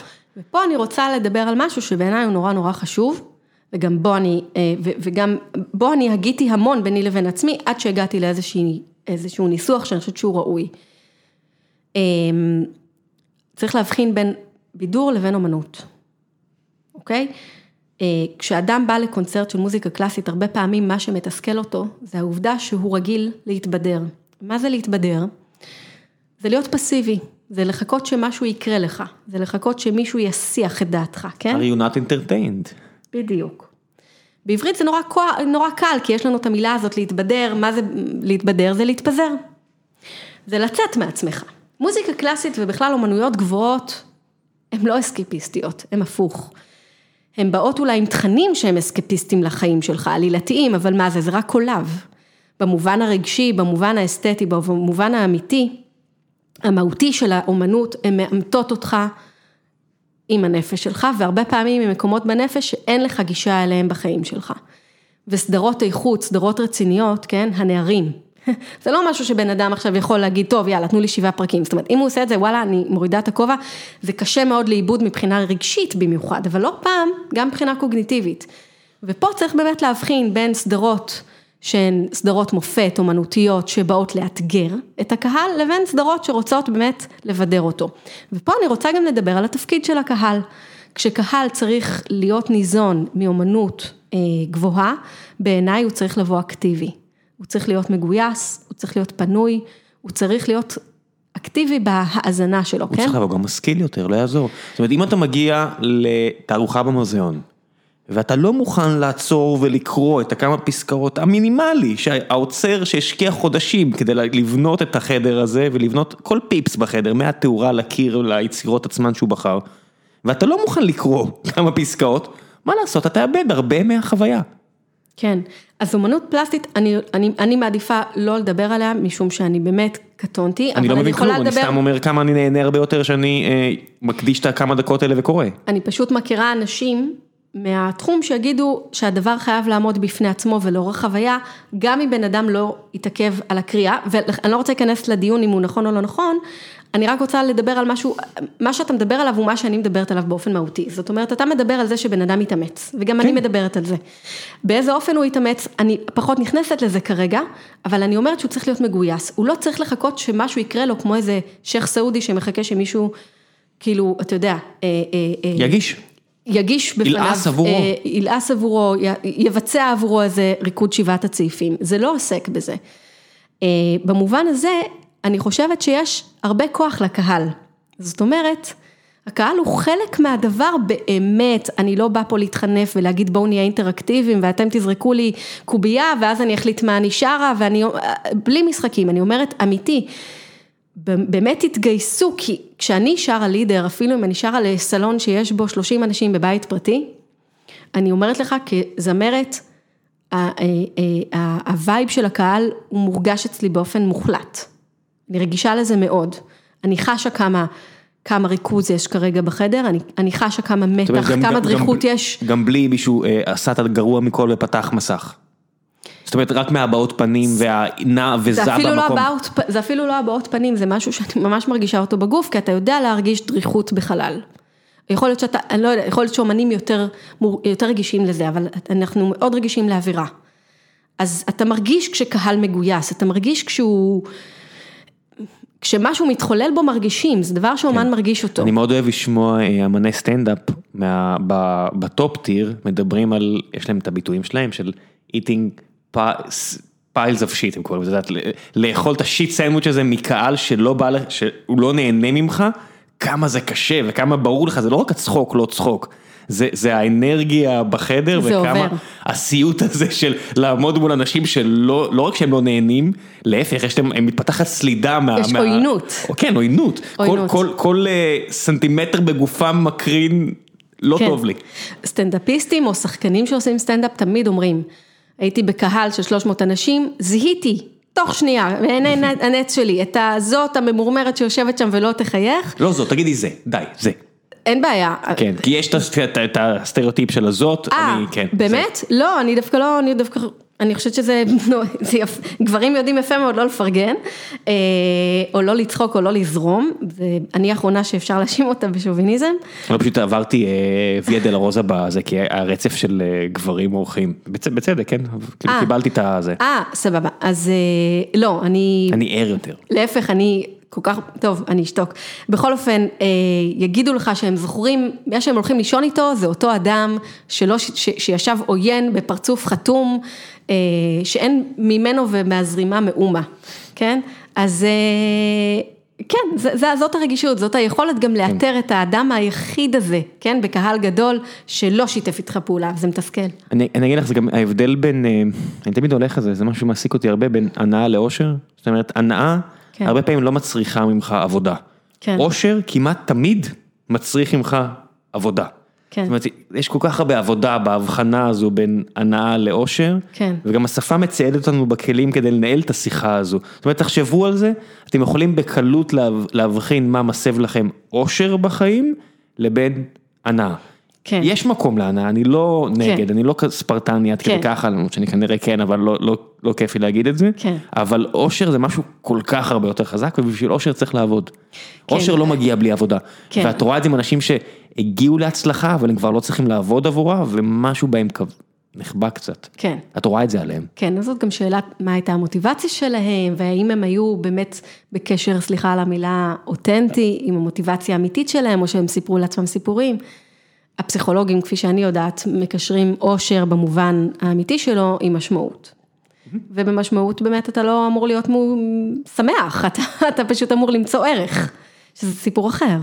נכון, וזה נורא בולט, את רואה אנשים שאם זה מאומנות, שהם, יש להם אושר בצריכה של זה, אבל זה לא בהכרח כיף להם, זאת אומרת, כן. יש סרטים, זאת אומרת שזה מצטער, זה פשוט העולם תוכן שלי. אין בעיה, לא בכיף, אני מעריכה קולנוע מאוד. שאני יושב ואראה את הסרט ואני אומר, איזה סרט מדהים, אני לא אראה אותו יותר אף פעם בחיים שלי. כן.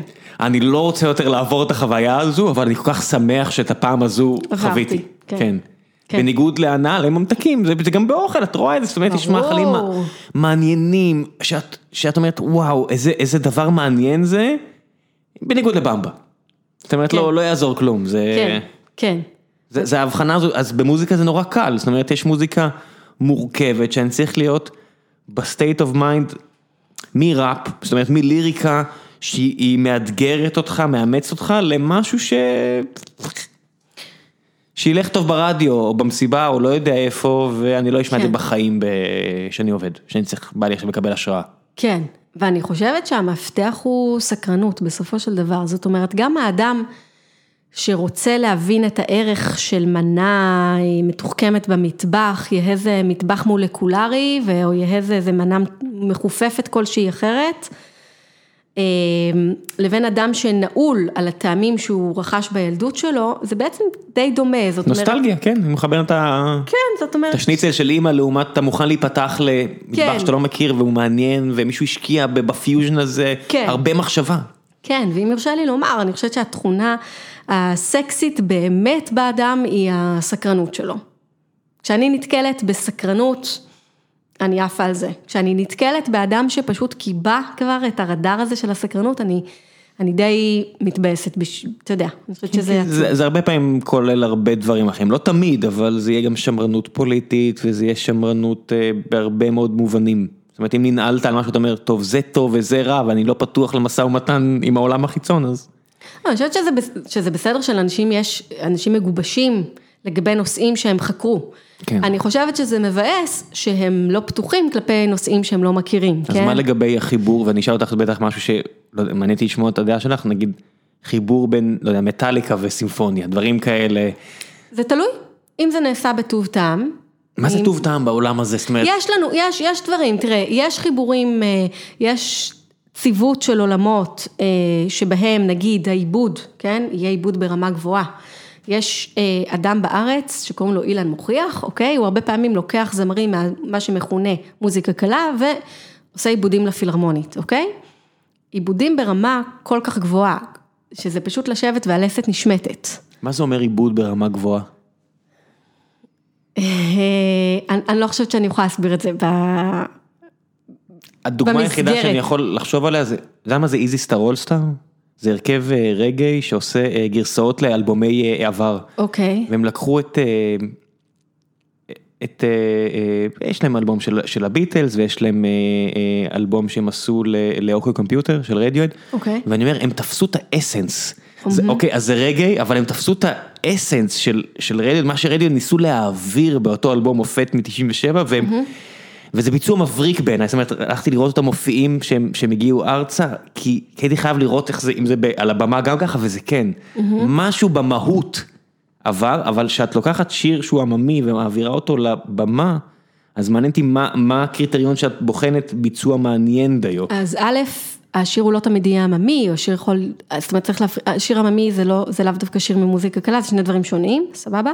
אבל בשני המקרים אתה יכול, זה עולם שלם. אה, עיבוד הוא יכול להיות, הוא נע בין רצף של בסך הכל לתרגם את מה שהיה בשיר המקורי ופשוט לתזמר אותו לכלים, אוקיי? ברמה הכי טריוויאלית שלו, עד לעיבוד אומנותי שלוקח את השיר הזה ומאיר בו בספוטים שלא יכולת הרבה פעמים לדמיין בכלל שיש בו.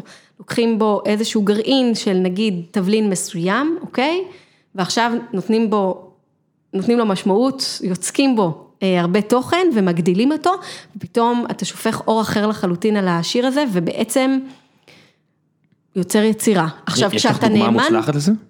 יש המון דוגמאות, אה, מניתי קודם את אילן מוכיח ואת העיבודים הנפלאים שלו לפילהרמונית, אה, אדם נוסף זה רפי קדישזון, יש עיבודים נפלאים אה, של יוצרים שהם הם עשו עבודה מדהימה, עם אומנים כמו שלומי שבן, עם אומנים כמו יוני רכטר, אומנים כמו מתי טוב, כספי. שלמה שם גם מוז- מוזיקאי בחסד עליון, גם- גם בפני קלאסי. עצ- בפני עצמו, בא מהעולם שלנו. כן, ובגד. באמת? ככה זה נתפס? לא, אני צוחקת, לא, לא, לא, ממש לא. אני מאוד מאוד מחזיקה משלומי שבן. זאת אומרת, תשמע איתו גם על פסנתר וזה נשמע שהוא... הוא היה פסנתרן מצוין, זאת אומרת, מה שהיה כזה פסנתרן מאוד מבטיח, וכן, והוא מנגן עד היום פסנתר מצוין. כן, פסיבה- מוזיקאים, אין, אין מה לומר, מהמוכשרים, אלון אולארצ'יק, זאת אומרת, היו הרבה חיבורים מאוד יפים של מעבדים ומנצחים שעשו עבודה מצוינת עם חומרים שהם כביכול קלים. והשכילו להעיר עליהם באורות וגוונים ממש לא טריוויאליים. הרבה פעמים יצקו עוד תחכום, עוד שכבה, עוד אמירה בקשר לדבר הזה, כי כשאתה כותב לגוף כמו הפילהרמונית, שיש בו כל כך הרבה עשרות, הרבה עשרות נגנים, אתה יכול באמצעותם לצקת הרבה תכנים, כן? אז זה שימוש נכון ומושכל בגוף שעומד לרשותך, על מנת בסך הכל לעשות כבוד לאותה יהודית רביץ, לאותו אלון אולארצ'י, כן? וכן הלאה. בוא נעשה קצת שאלות מהקהל. מאה אחוז. לפני שנגיע לשלב השאלות מהקהל, דבר המפרסם. האמת שאני אעשה את זה אפילו במכה אחת ביחד איתך, יש לך בעל חיים בבית? היום לא לצערי. אוי, אז במידה ותחליטי לאמץ שוב, אז החסות הזאתי, הזו, לגמרי רלוונטית אלייך, חברת סולמייט של חבר מהשירות הצבאי, בחור בשם גיל, ששירתנו בעוקץ, וכשאני שרת בעוקץ אז כנראה או שאתה אוהב כלבים או ש... למדת לאהוב כלבים. יש מקרים נדירים שלא, אבל כן, והחיבור של גיל עם הכלב שלו היה מאוד מאוד חזק, הכלב הציל לו את החיים באיזושהי סיטואציה שהייתה, הפכה להיות סיפור די מפורסם בצבא, וטוב, ואנשים אחרים, והוא לקח את האהבה הזו לסטאר הכלב והקים את Soulmate, חברה שמייצרת אוכל לכלבים שמותאמת לאקלים הישראלי, זאת אומרת הוא דיבר עם וטרינרים ויש משהו, יודעת, אם את מפרקת אוכל זה ברור שזה חלבון, שומן, פחמימה, זה לא, אפשר לפרק את זה לעניינים האלה, וכלב שלא ניחן בחוש הטעם, זאת אומרת חשוב שיהיה טעים, אבל גם חשוב שהחלק הנכון מכל אחד מאלו יהיה נכון לאקלים הזה, שאת מביאה רועה גרמני ארצה, מה לעשות שהטמפרטורה פה זה לא כמו בטמפרטורה באותה אוסטריה ואותו מינכן שדיברנו עליו במוזיקה, וצריך להתאים את זה לטמפרטורה טיפה יותר חמה וזה לא בהכרח מה שקורה. אז זה גם נכון לבעלי החיים שלכם, וזה גם נכון לכם, גיל והשותפים שלו לדרך יצרו את האוכל לכלבים הזה שהוא עומד בסטנדרטים האירופאים שהם יותר מחמירים מהסטנדרטים האמריקאים, וגם יודעים לתמחר אותם בחצי עד פחות מהמחיר של המתחרים שלהם, וזה לא בגלל שהם חוסכים בעלויות, אלא בגלל שהם עושים הכל בעצמם. הוא הראה לי איך הם עושים את זה מהשקית ועד לשיווק והכל, והם יודעים לחסוך, והם פונים לדרכי פרסום יותר הגיוניות, כמו למשל פרסום בפודקאסט, שאנחנו יודעים שזה עובד, כי הוא אומר לי שזה אחלה עבורם. אז הנה, אני אשאיר לכם לינק, תשתמשו במילה גיק, יש הנחה ששמורה רק למי שיעשה את זה, G-E-E-K, אבל זה רק בפעם הראשונה שאתם עושים את זה, אז תספרו גם לחברים, ושגם הם יזמינו אם יש להם בעלי חיים, יש מלא בעלי חיים בארץ, אז זה כנראה רלוונטי לפחות לחלק לא מבוטל מכם, ויאללה, שאלות מהקהל בפורום החיים עצמם של גיקונומי בפייסבוק, איתי חממי שואל, למה סקסופון הוא לא חלק מתזמורת סימפונית? בגלל השנה היחסית המאוחרת בה הומצא? חבל מאוד. איזה חמוד. אני מאשים את בילי קלינטון בשאלה הזו. לא, לפעמים יש סקסופון במוזיקה סימפונית, באמת ביצירות של, כן, יש יצירות שיש בהן סקסופון, במיוחד במאה ה-20, כמובן במאה ה-20. לא, היה לפני. נכון, אז קצת קשה, אבל יש מלחינים במאה ה-20 שבהחלט שילבו סקסופון בכל מיני יצירות, זאת התשובה. זה מותר? זאת אומרת, מסתכלים על זה, מרימים גבה? לא, זה נחשב לאקסטרה, זאת אומרת, תזמורת תזמין סקסופוניסט לצורך אותו ביצוע. לא, אין פה מה להרים גבה, אם היצירה נכתבה לסקסופון, אז יהיה סקסופון. זה עדיין יהיה יותר מקובל מגיטרה, אני מניח. לאו דווקא, זאת אומרת, יש לך גם קונצ'רטים לגיטרה קלאסטית, כאילו, היא לא כלי תזמורתי, אבל היא כלי שמנגן עם תזמורת בקונצ'רטים לא מעט. יצא לך כמנצחת לעבוד עם נגנים של כלים מודרניים יותר? ולשלב אותם עם כלים קלאסיים? אני מנסה לחשוב, אני מנסה לחשוב.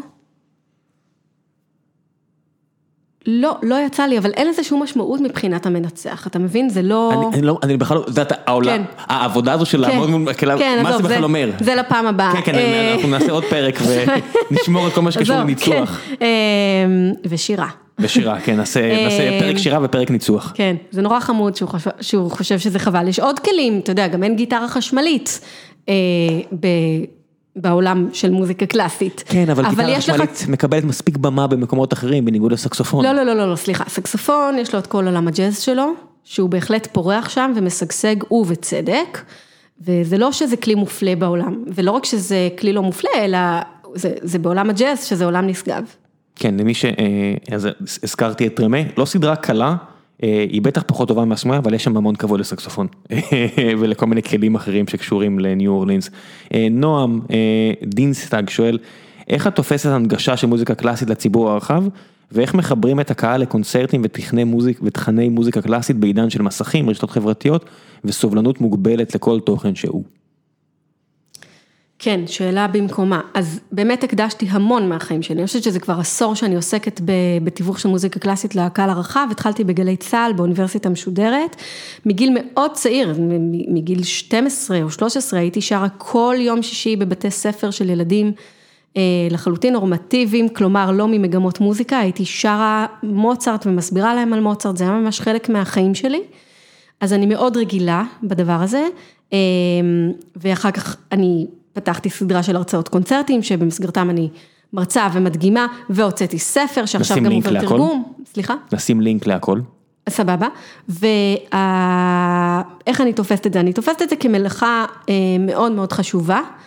בוודאי בעידן שלנו, שהמוחות שלנו, לפחות שלי, הולכים ומצטמצמים, ביכולת שלנו לתפוס עם כל השינויים הטכנולוגיים וה, וה, והיעדר הזמן והסבלנות שיש לנו, מטעמים מובנים ומסכים, זה דבר נורא חשוב. מאוחר יותר חשוב לציין שהקמתי וניהלתי את כל המוזיקה בתאגיד, ושם גם הקמתי את דף הפייסבוק של כל המוזיקה, ובכלל את כל התכנים ואת הפרומואים, ובעצם הייתי אחראית.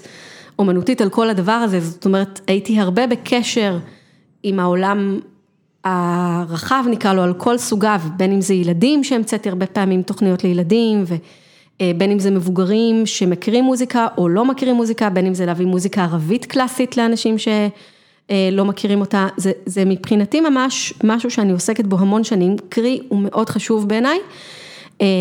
מה זה אומר מוזיקה ערבית קלאסית? אני שואל בבורות מוחלטת, כן? מה ההגדרה בכלל, מה זה אומר? גם זה, אנחנו נהיה חייבים, אני לא מסוגלת לתמצת, אני לא מסוגלת לתמצת, כמו שיש מוזיקה מערבית קלאסית, יש מוזיקה ערבית. יש מוזיקה ערבית שנוצרה בין השנים X ל-Y? היא מאוד מאוד מאוד מאוד עתיקה, היא גם הועברה בעל פה ברובה, לא גם, אבל היא הועברה בחלק ניכר ממנה בעל פה, היא מבוססת על תורה שלמה של מקמת. שזה המקבילה לסולמות במוזיקה הערבית, מערבית, אבל המקמת יותר מורכב מאיתנו, זו מערכת סופר מתוחכמת, יש שם עולם שלם, שפה שלמה של אילתור, זה עולם עשיר בצורה בלתי רגילה ומהמם ביופיו, מהמם ביופיו, אני ממש מעריצה גדולה של הדבר הזה. אושרי ארביב שואל, מה את חושבת על סבסוד אומנות גבוהה, כאשר לא ברור שהסבסוד מצליח להגיע לאנשים, מצליח להניע אנשים להגיע לקונצרטים, הוא מוסיף בסוגריים, הרי באופרה למי שאינו מנוי, המחירים עדיין לא עממיים במרכאות, ובעצם יוצר מצב שבו הסבסוד ניתן רק לחופן חובבי הז'אנר. כן, יש בעיה גדולה, לא בכל המדינות זה נראה כמו שזה נראה אצלנו. מה זה אומר? זה אומר שתקציב התרבות שלנו הוא מגוחך, כן?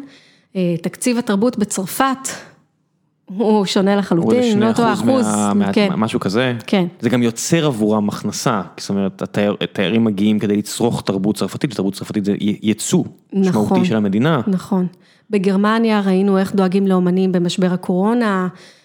על סקנדינביה בכלל אין מה לדבר. הם גם דואגים לאמנים גם לפני משבר הקורונה. חד משמעי, אבל ביתר סט במשבר הקורונה, הם ממש דאגו לאומנות, שהמדיניות של מרקל היא מדהימה.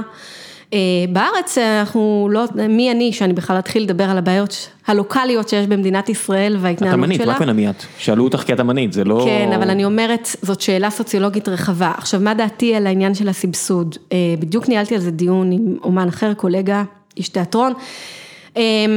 אני מודה שלא הקדשתי המון מחשבה לדבר הזה בחיים שלי, במקום, במקום לעסוק בזה, שזה דברים שעוסקים בכלכלה וחברה לא פחות, שזה תחומים שאני פחות מתמצאת בהם, אני הרבה פעמים פשוט התנדבתי, זה מה שעשיתי, זאת אומרת, הלכתי ושרתי במקומות שאנשים לא חשופים למוזיקה קלאסית, ובמיוחד פיתחתי חשיפה של ילדים, שההורים שלהם לא יכולים להרשות לעצמם לשלוח אותם ללמוד, אז טיפחתי לא מעט ילדים ואפשרתי להם להיחשף לדבר. אז אני מודה שאני לא חושבת שאני הבן אדם האידיאלי לשאלה הזו, מפאת... מי כן אידיאלי לשאלה הזאת? זה לא, זה לא שאלה שיש לא, לה לא, לא, תשובה יש אידיאלית. אנשים, יש אנשים, קולגות שלי, שממש עסקו, עוסקים, יושבים עם מספרים, יושבים עם נתונים, ואני חושבת שיהיו להם אה, רעיונות יותר, אה, אה, בוא נאמר, בעלי משקל משלי. אה, אני גם לא בטוחה שהאופרה לא אה, מאפשרת לאנשים בכל השכבות להגיע אליה, לא בדקתי מה קורה שם לאחרונה, יש להם מנכ"ל מצוין בשם צח גרנית, שעושה עבודה מצוינת, אה, ואני חושבת שליבו כן לחלוטין פתוח לנושא הזה. יש בעיה הרבה יותר רחבה במדינת ישראל של היעדר חינוך לתרבות, ואז, ואז אתה לא יודע מאיפה להתחיל, כי שוב, כמו שאמרתי, בן אדם שלא נחשף בגילאים צעירים לאומנות גבוהה, בגילאים מאוחרים זה נורא קשה לו. ואז גם אם ידו משגת, אין לו כל כך כוח ואין לו זמן, אז מה שאני מנסה להגיד זה שהמצב הוא כל כך מורכב, והפרמטרים שגורמים לאדם לבוא בערב להקשיב לפילהרמונית, הם רבים יותר מהכרטיס. האם אני בעד זה שעלויות הכרטיס יהיו הרבה יותר נמוכות? חד משמעי. והאם אני בעד זה שכל אדם יוכל אה, להקנות לעצמו תרבות, לו ולילדיו, באופן חד משמעי, ולצערי, זה רחוק מלהתקיים במדינת ישראל. כן, זה קצת מזכיר לי אה, דיון ש... על מקומן של אה, נשים במדע או בספורט, אז אומרים, הנה עובדה, אין נשים שמתאימות לקורס טייס, אז אפשר לסגור את ה... אפילו אליס מילר לא, שיל- לא סיימה את הקורס, אני אומר, כן, אבל אם לא חינכתן לספורט נשים מגיל 5 או 6, הסיכוי שלהן לסגור את הפער, שגם ככה הוא אמיתי, פיזיולוגית, הוא אפס. אז להגיד, רק בגלל שזה המצב, לא ננסה לשנות, אבל אומרת- הנה היא ניצחה, זאת אומרת, אנחנו היום לפני אה, הסמכה של נווטת, טייסת ולא זוכרת איזה עוד תפקיד בכיר שם בטיסה, שהולכות לקבל את הכנפיים שלהם זה? בסיום הקורס.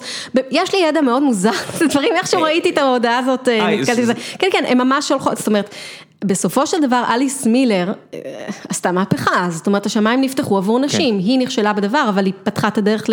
כן, לא, זה לא הנקודה שלי, אחריה. שאם אם- אני מסכימה אם- אם איתך. אתה רוצה לשנות משהו ואתה אומר שזה צריך מספיק להתחיל חשוב, מהיסוד. כן, אז להגיד, הנה עכשיו המצב הוא לא ככה, זה לא הדרך בוודאי. הנכונה להסתכל, הרבה פעמים כלכלנים אומרים, אוקיי, זה לא- זה לא נכון עכשיו, הנה הניסוי שאני אעשה, אני אומר, כן. אוקיי, אז מה?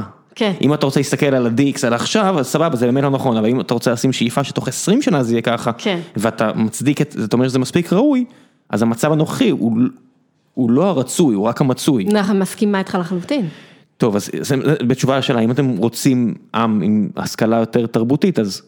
חייבים להתחיל להש- בחינוך. צריך להשקיע. אה, שיר בן ישראל, מה דעתך על הרעיון להחליף את שיטת כתיבת התווים העתיקה והמסובכת למשהו פשוט יותר?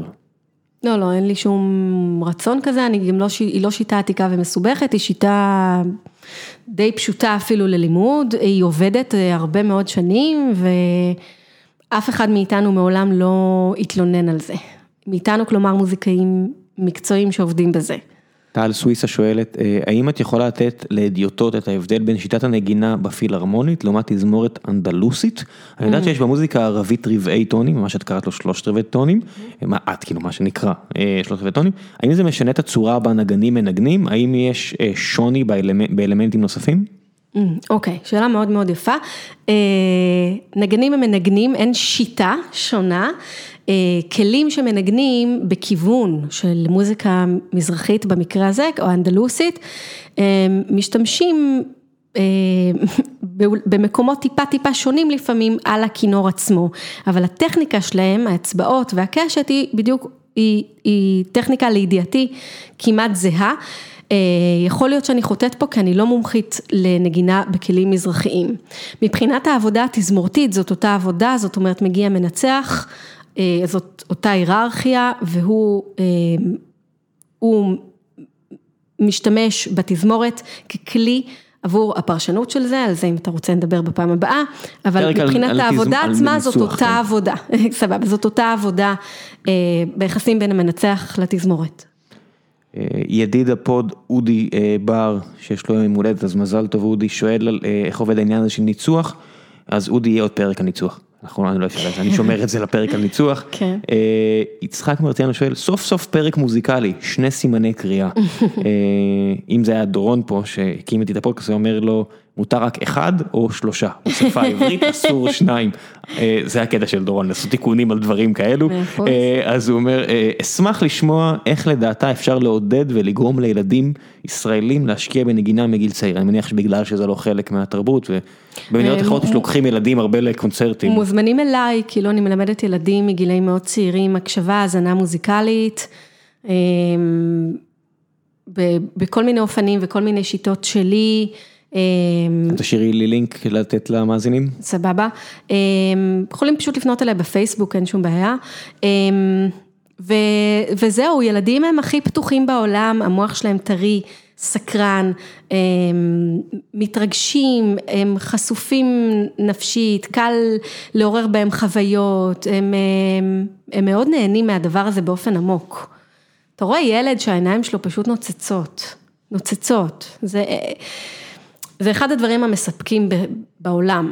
באופן כללי לעבוד עם אנשים שיש לו, להסתק... להיות בחדר עם אנשים שיש להם עיניים נוצצות זה אחלה, יש מלא מבוגרים עיניים כבויות לגמרי. נכון, אני חווה את הדבר הזה עם מבוגרים כשהם באים ללמוד פיתוח קול. דבר שעם ילדים קטנים לא עושים, לא נכון לעשות. אבל מבוגרים שבאים ללמוד פיתוח קול ובשיעורים הראשונים פתאום הם מבינים שיש להם תיבת תעודה בגוף. והם יכולים לשלוח את הצליל שלהם למקום מסוים שאני אומרת להם בגוף, ופתאום הם מתחילים להכיר את הכלי שלהם מבפנים ולהרגיש כל מיני שרירים שאין להם מושג שבכלל קיימים בהם, כי אין שום סיבה להגיע אליהם.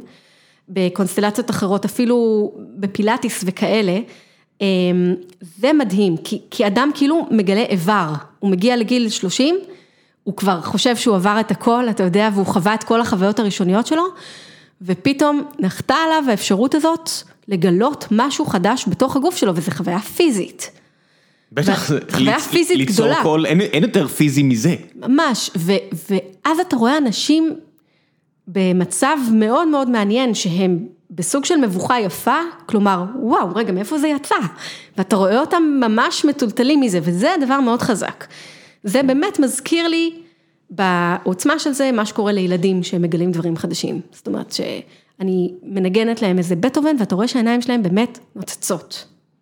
יש, זה מדהים.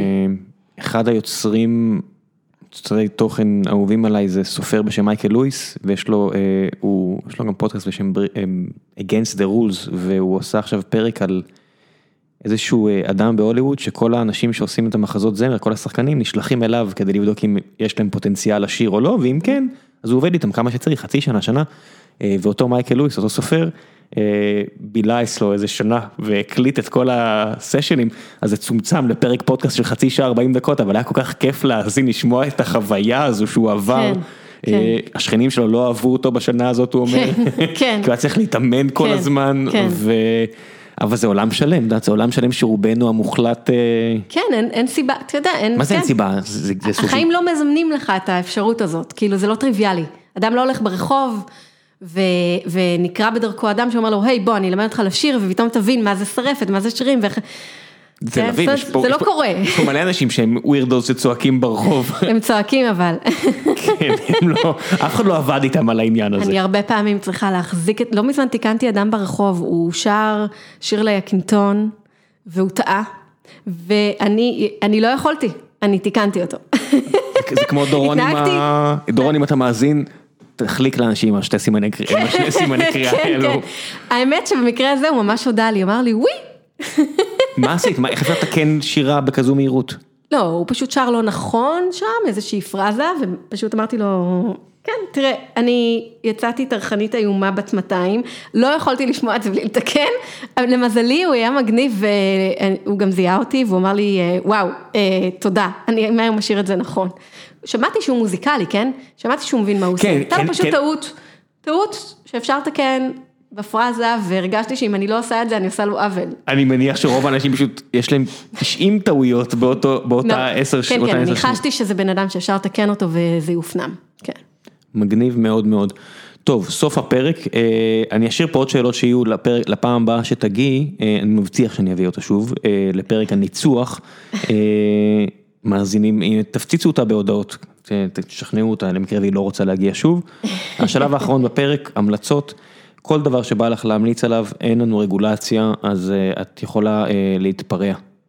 המלצות. מה שבא לך. אני, אני באמת אשמח להמליץ על סדרות שאני חושבת שהן must, וגם העריכה המוזיקלית שלהם היא אה, באמת יוצאת מן הגדר הרגיל. רושם. שזה הכתר, שנייה, רושם. הכתר. הכתר, האמריקאים, ומדמן. ואת השאר נשאיר לשאר. אה, כן, מדן יש לה חיבור מוזיקלי, אני מנסה להיזכר. אה, פנומנלי, פנומנלי.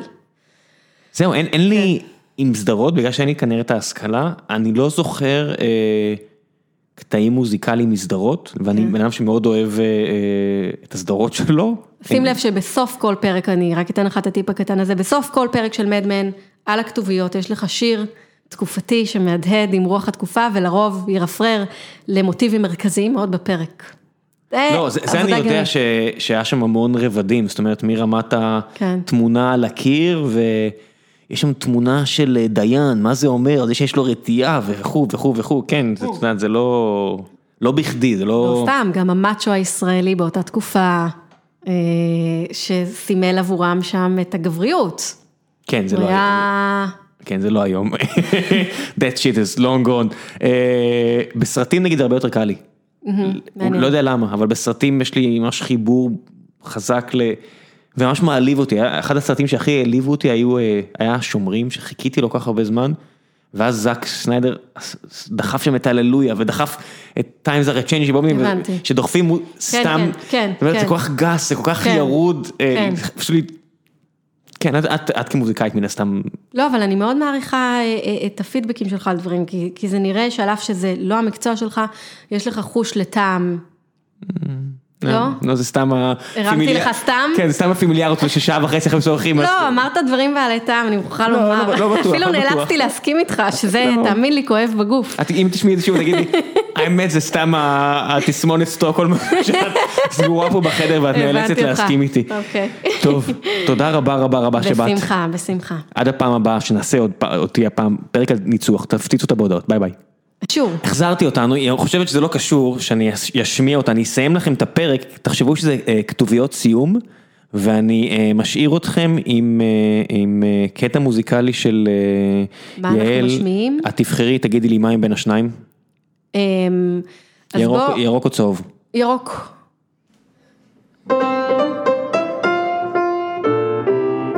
Oh